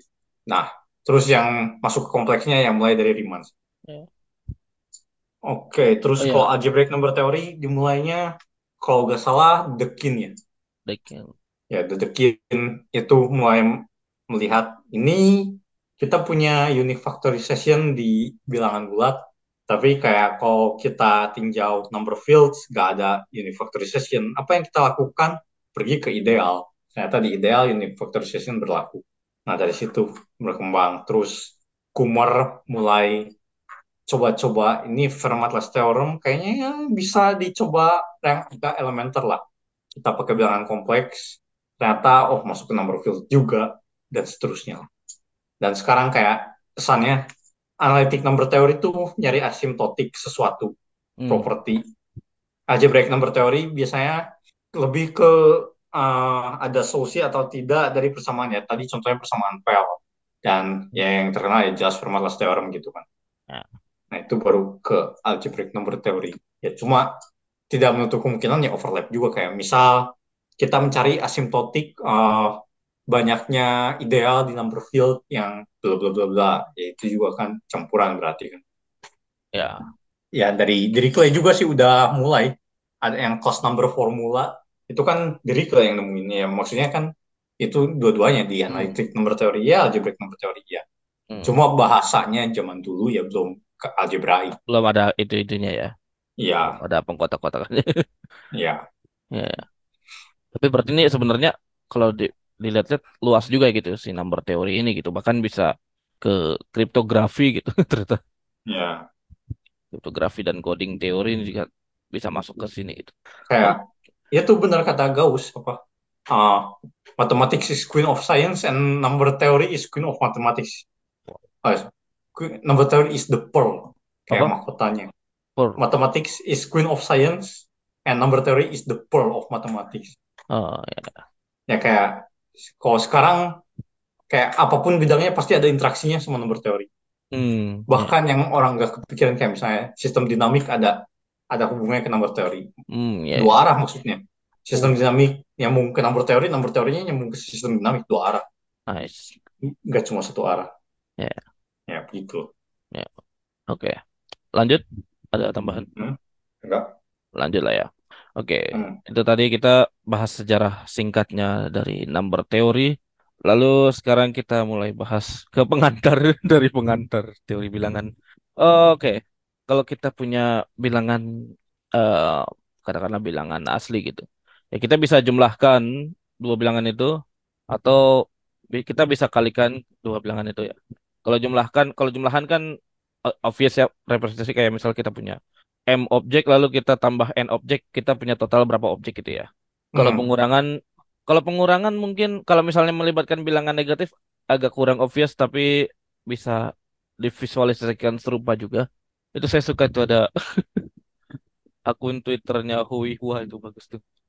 Dia memvisualisasikan pengurangan gimana sih kalau kenapa kita ngambil negatif, negatif kurang negatif jadinya positif gitu. Itu itu. Terus kita tapi intinya kalau misal kita punya bilangan bulat ya, at least bilangan bulat, kita jumlahkan, kurangkan lalu atau kalikan kita dapatnya bilangan bulat lagi gitu loh. Hmm. Tapi kalau dibagi kita belum tentu dapat bilangan bulat. Hmm. Nah, kayak ya kayak ya kalau misalnya gak habis dibagi kan 5 bagi dua kan ada sisanya tuh satu dua sisa satu gitu kan dua setengah gitu masa dapat dua setengah masing-masing nah kita bisa ilustrasikan pembagian sebenarnya ya cara lama juga ini Pe- pembagian bisa diilustrasikan kayak misalnya kita kita ilustrasikan A dibagi B nah A dibagi B ini artinya ya asumsinya sekarang A-nya lebih besar dari B dulu lah ya Hmm. jadi kita punya A objek, kita pengen masukkan ke back kotak gitu. Kalau kita berusaha membuat isi setiap kotaknya sama rata, maka upper B ini atau A dibagi B ini adalah banyaknya objek di masing-masing kotak. Misalnya 6 dibagi 3 ya. Jadi ada 6 apel kita bagi ke tiga kotak. Kalau misalnya kita pengen semua kotaknya isinya sama rata, maka ya masing-masing kotak isinya harus dua apel. Hmm. Nah, lalu gimana nih kalau misalnya tidak bisa dibagi rata gitu? Misalnya ada 10 apel tapi kita punyanya tiga kotak gitu kan. Nah, Hmm. kita kalau mau sama rata berarti misalnya kalau sat, kalau masing-masing kotak diisi satu, kalau kita punya 10 apel gitu, terus kita punya tiga kotak, kalau masing-masing kotak diisi satu, sisanya berarti 7 ya. Hmm. Tapi kalau kita isi dua masing-masing kotak berarti ada 6 apel di dalam kotak, sisanya 4. Nah, ini sisanya lebih sedikit nih. Kita bisa bikin lebih sedikit lagi nggak ya? Ternyata bisa gitu. Kita masing-masing kotak, masing-masing kotak diisi tiga, nah sisanya satu. Kita pilih yang sisanya paling sedikit. Kalau misalnya kita satunya kita masukin ke dalam kotak, jadi tidak rata gitu. Kita pengennya semua isi di kotaknya tuh rata gitu. Jadi eh 10 dibagi 3 itu tadi 3 sisa satu. gitu. Kita pilih yang sisanya paling sedikit tapi masih ada sisanya gitu dibandingkan kalau kita masukin ke dalam kotak jadi tidak rata gitu. Jadi kita pengen di kotaknya dibagi rata, sisanya paling sedikit. Nah, inilah intuisi ini yang mendasari teorema eh, division algorithm. Yakni kalau misalkan kita punya dua buah bilangan bulat A dan B gitu, B-nya lebih besar dari nol, maka ada bilangan bulat K dan R dengan R 0 lebih kecil atau sama dengan R lebih kecil dari B, sedemikian sehingga A sama dengan KB plus R. Jadi A kita selalu bisa tulis kelipatan dari B dengan sisa R, R-nya 0, 1, 2 sampai B min 1 gitu. Nah, tapi kalau di division algorithm itu A-nya nggak harus positif gitu. Jadi bisa aja kalau misalnya A-nya negatif ya. Kalau tadi pakai intuisi kotak dan apel tadi ya mungkin nggak masuk akal. Tapi kalau misalnya kita intuisinya kita ganti gitu. Kalau misalnya A-nya negatif jadi kita kita ganti jadi utang gitu. Utang Hmm. dibagi rata ke tiga orang misalnya. Hmm. Tapi tiga-tiganya harus bayar semua gitu. Nggak boleh ada yang nggak bayar, nggak boleh ada yang nggak boleh ada nggak bayar dan nggak boleh ada dan sisanya positif gitu. Hmm. Ya. Utangnya harus terbayar semua. Jadi kayak misalnya 10 minus 10 berarti misalnya ada orang utang minus 10 do, minus 10 dolar gitu bisa minus 10 dolar terus dibagi ke tiga orang. Entah gak tahu mungkin diwariskan gitu ke tiga orang. Bagi rata utangnya kalau misalnya bagi ratanya min 3 min 3 min 3 utangnya masih ada nih 10 nih. Min 3 min 3 min 3 ma- masih ada masih ada min 1 nih utangnya nih. Masih ada min 1 karena utangnya min 10 kan. Hmm. jadi min 3 min 3 min 3 nggak bisa. Berarti harus min 4 min 4. semua orang harus utangnya min 4 dikasih jatah utangnya min 4 nah lalu plus 2 gitu. Jadi min 4 kali 3 plus 2 Hmm. jadi sisanya dalam hal ini kalau dipakai division algoritma itu adalah ya R-nya 2 gitu plus 2 gitu. Jadi min 4 kali 3 plus 2 jadi masing-masing orang utang min 4 ya plus 2-nya jadi jaminan dulu. Dah mungkin Hmm. ya. Nah itu kan tadi intuisinya ya. Kalau buktinya, bukti formalnya ini eh eh, si teorema division algorithm ini dibuktikan dengan menggunakan yang namanya prinsip well ordering. Ini himpunan tak kosong yang berisi bilangan bulat positif atau non negatif. Ini pasti punya elemen terkecil. Si well ordering ini Hmm. ber- aksioma ya berarti ya. Ini Oh, atau bisa siapa? di aksioma. Kayak maksudnya jelas gitu. Ya sebenarnya ya maksudnya jelas cuman kalau di buku-buku teori bilangan ini rata-rata jadi aksioma sih. Iya sih. Ya, tapi kalau di set logic sendiri gue kurang tahu apakah bisa apakah ini Ya bisa maksudnya axiom of choice aja kan bisa jadi gitu, jadi Iya, iya betul betul. Iya. Tapi ini kita sesuatu yang apa ya kita terima aja lah ini. Jadi kalau Hmm. himpunan tak kosong yang isinya bilangan bulat positif atau non negatif itu punya eh, elemen terkecil gitu. Hmm. Nah, jadi caranya adalah kita buktikan himpunan S nih, nih. Himpunan S ini adalah kumpulan bilangan yang bentuknya kan tadi A dan B-nya diberikan ya. A dan B-nya Hmm. diberikan tadi. Eh, himpunan kumpulan himpunan A kurang XB di mana X-nya bulat lalu A kurang XB-nya ini lebih besar atau sama dengan 0 gitu. Hmm. Nah, ini himpunan ini tak kosong karena eh, kalau misalnya kita ambil X-nya adalah minus mutlak A, kan A-nya bisa positif bisa negatif ya. Jadi kita ambil X-nya minus mutlak A. Jadi A plus mutlak AB, A plus mutlak A kali B ini eh pasti lebih besar dari nol. Lebih besar atau sama nol. Hmm. Karena mutlak A kali B kan pasti lebih besar daripada mutlak A gitu. Mutlak A, mutlak A plus A ya lebih besar atau sama dengan nol gitu. Hmm. Ya. Lalu buktikan elemen terkecilnya kurang dari B, si R-nya nih. Jadi yang kita cari adalah Hmm. R-nya gitu.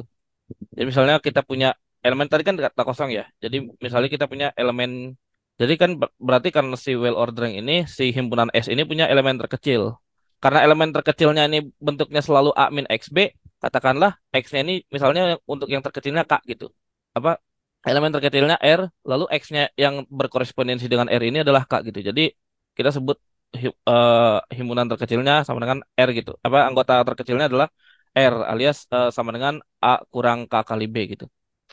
Jadi untuk R sama dengan A kurang kali kurang dari kurang K kali B untuk suatu K. Nah, kita pengen buktikan si R ini kurang dari B karena eh, dengan kontradiksi gitu. Kalau misalnya R lebih besar atau sama dengan B, maka R kurang B, R kurang B ini kan sama dengan A kurang KB kurang B. Jadi sama dengan A kurang eh, dalam kurung K plus eh, buka kurung K plus satu tutup kurung kali B. Nah, A kurang K plus satu kali B ini kan masih ada di S ya Hmm. Masih ada di S karena dia bentuknya A kurang XB gitu. X-nya bilangan bulat, K K bilangan bulat berarti K plus satu juga bilangan bulat gitu. Jadi kayak A kurang K, K plus satu kali B ini masih ada di S dan ini masih lebih besar da- dari nol gitu. Karena tadi kan. A kurang KB kali B kan, A kurang KB kali B adalah R kurang B. Kalau misalnya R-nya lebih besar atau sama dengan B, dia berarti R kurang B lebih besar atau sama dengan nol. Berarti si R ini bukan elemen terkecil gitu. Hmm. Jadi dia masih bisa diperkecil sampai mentok sampai R-nya eh, antara nol sampai B. Antara nol sampai B, B-nya gak masuk gitu. Oke, lanjut. Ya. Jadi kita bisa definisikan keterbagian A oleh B, kalau B tidak sama 0, yakni A habis dibagi B atau B membagi A jika terdapat bilangan bulat K sedemikian sehingga A-nya adalah K kali B. Nah, dan biasanya B membagi A disimbolkan oleh B terus garis tegak lurus A. Ya, Nah, ya terus ya berarti semua bilangan bisa dibilang membagi 0. ya, ya. Kecuali nol ya. Kecuali, Iya, kecuali 0. iya, Karena di sini kan B-nya nggak boleh 0. iya, ya. Nah, ada sifat keterbagian, yaitu kalau A membagi B dan A membagi C, maka A membagi BX plus CY untuk sembarang bilangan bulat X dan Y. Ya, Nah, jadi eh, enaknya adalah kayak begini. Bilangan bulat habis dibagi dua, atau biasanya kita sebutnya bilangan genap, jika dan hanya jika digit belakangnya adalah 2, 4, 6, 8, 0 dalam basis 10. dalam basis 10 ya kita. Kita basis 10 dulu aja Ya. deh. Ya. Nah, bilangan bulat habis dibagi tiga jika dan hanya jika jumlahan digit-digitnya habis dibagi tiga dan berlaku juga untuk 9. Nah, bilangan bulat habis dibagi 4 jika dan hanya jika dua digit belakangnya habis dibagi 4 dan secara umum bilangan bulat habis dibagi 2 pangkat n jika n digit terakhirnya habis dibagi 2 pangkat n.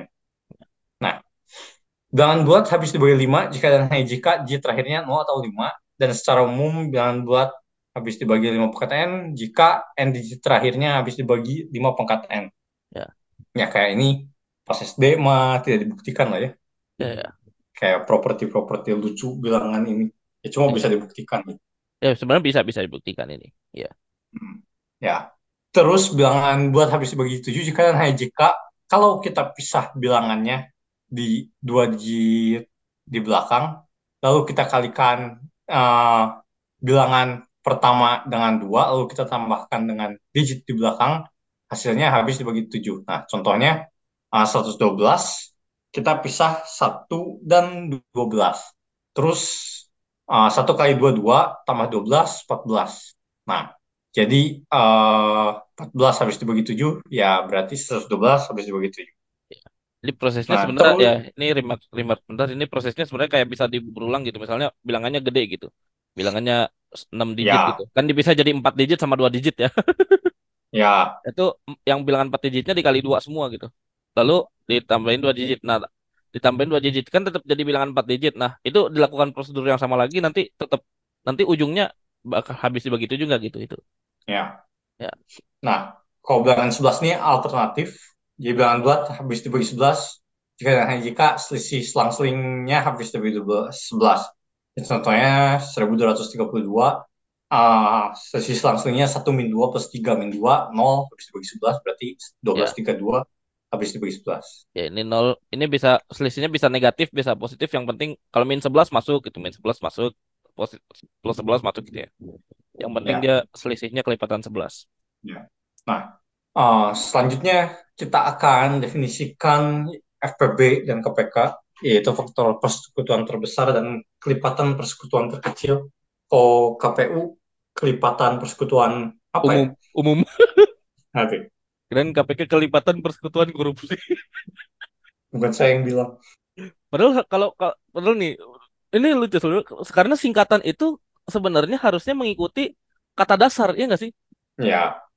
Jadi sebenarnya FPB kan faktor persekutuan terbesar. Tapi Harusnya ada persekutuan FSB, FSB ya. iya ya. kan persekutuan ini kan kata dasarnya sekutu ya. Hmm. Iya kenapa gak FSB gitu? Nggak tahu. Iya ya. Oke. Lanjut ya. Nah. Oke. Nah. Hmm. nah, misal kita punya dua bilangan A dan B, tidak keduanya nol atau lebih gampang dua-duanya kan nol.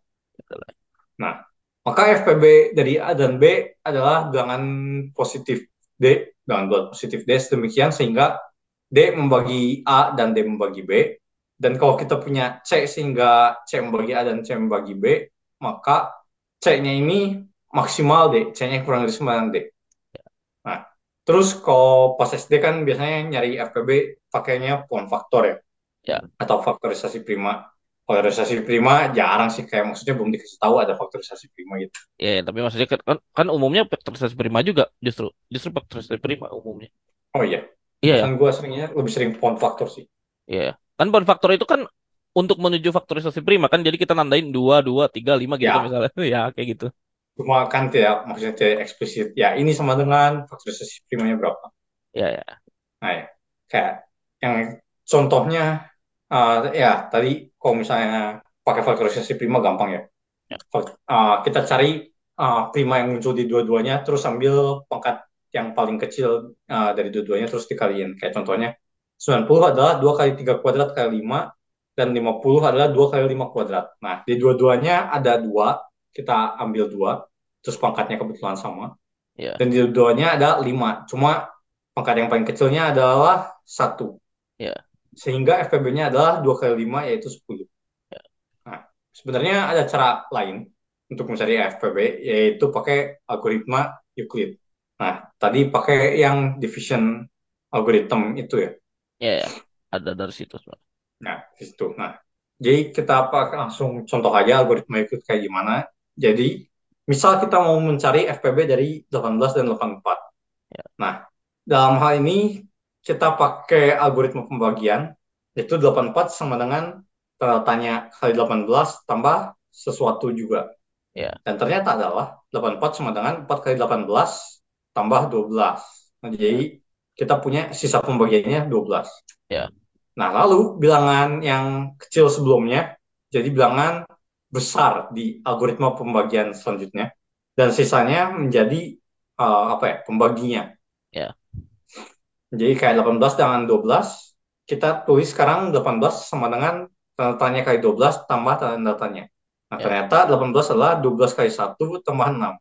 Ya. Nah, lakukan sekali lakukan lagi sampai sisanya nol dan kebetulan yang ini setelah ini sisanya nol karena 12 sama dengan 2 kali 6 tambah 0 ya. selesai nah FPB-nya adalah yang sisa terakhir sebelum 0 yakni 6 ya. Sekarang kita masuk ke definisi KPK ya. jadi KPK ini berdiri sekitar tahun sekian setelah kemerdekaan Indonesia ya Ya, jadi KPK dari dua bilangan A dan B. Kalau ini enaknya ya dua-duanya tidak nol ya. Iya. Karena tidak ada pembagian dengan nol sekali lagi. Iya. Nah, KPK A dan B dua-duanya tidak nol, bilangan bulat ya positif lah biar lebih gampang. Adalah bilangan bulat positif K sehingga A membagi K dan B membagi K. Dan kalau kita punya bilangan lain, hmm, C sehingga A membagi C dan B membagi C, maka K kurang dari 9 C. Nah, yeah. sekarang gimana cara cari KPK bisa pakai faktorisasi Ya tadi, ya uh, faktor prima seri prima ini? ya. Kalau tadi kan di ya cari yang irisannya ya, yang primanya ada di dua-duanya ya. Ya, Kalau ini kalau kalau pakai faktor prima berarti sekarang gabungannya. ya.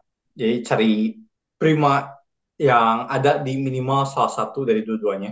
Terus pangkatnya gede ya. Terus ambil pangkat yang terbesar. Ya, Ya, kayak contohnya tadi 90 sama 50.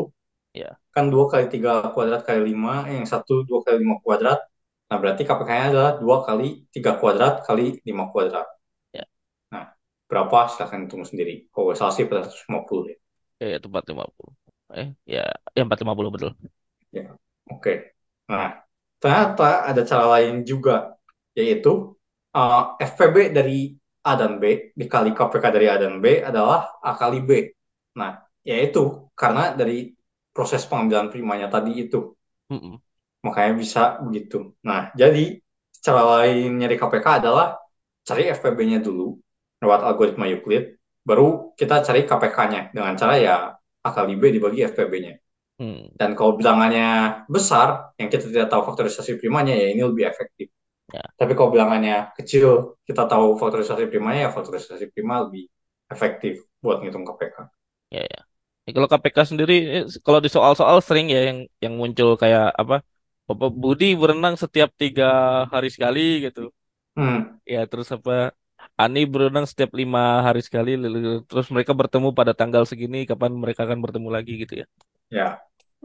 Tipikal soal, ya soal soal soal. Itu kayaknya soal soal soal CPNS sering tuh kayak gitu. Ah, Ya, ya udah. Oke, ada lagi? hmm, ya basicnya sudah dulu ya. Kan Basicnya juga dulu. pengantar dari pengantar ya. Pengantar dari pengantar. Ya, ini mungkin kita akan lanjut part 2 bahasnya. Kali kan ya, teori bilangan masih masih di pembagian ya, pembagian terus FPB, KPK. Nah, mungkin kita yang terkenal kan teori bilangan lebih ke modulo ya, yang itu akan kita bahas di selanjutnya ya. Ya mungkin kita perlu bahas juga ini ya. Apa ya? Uh, unique factorization. Ah ya, UFD bukan UFD. Ya emang dari FD kan. Ya ya, unique factorization ya. Oke oke. Hmm. Ya karena itu sangat-sangat kepake kan.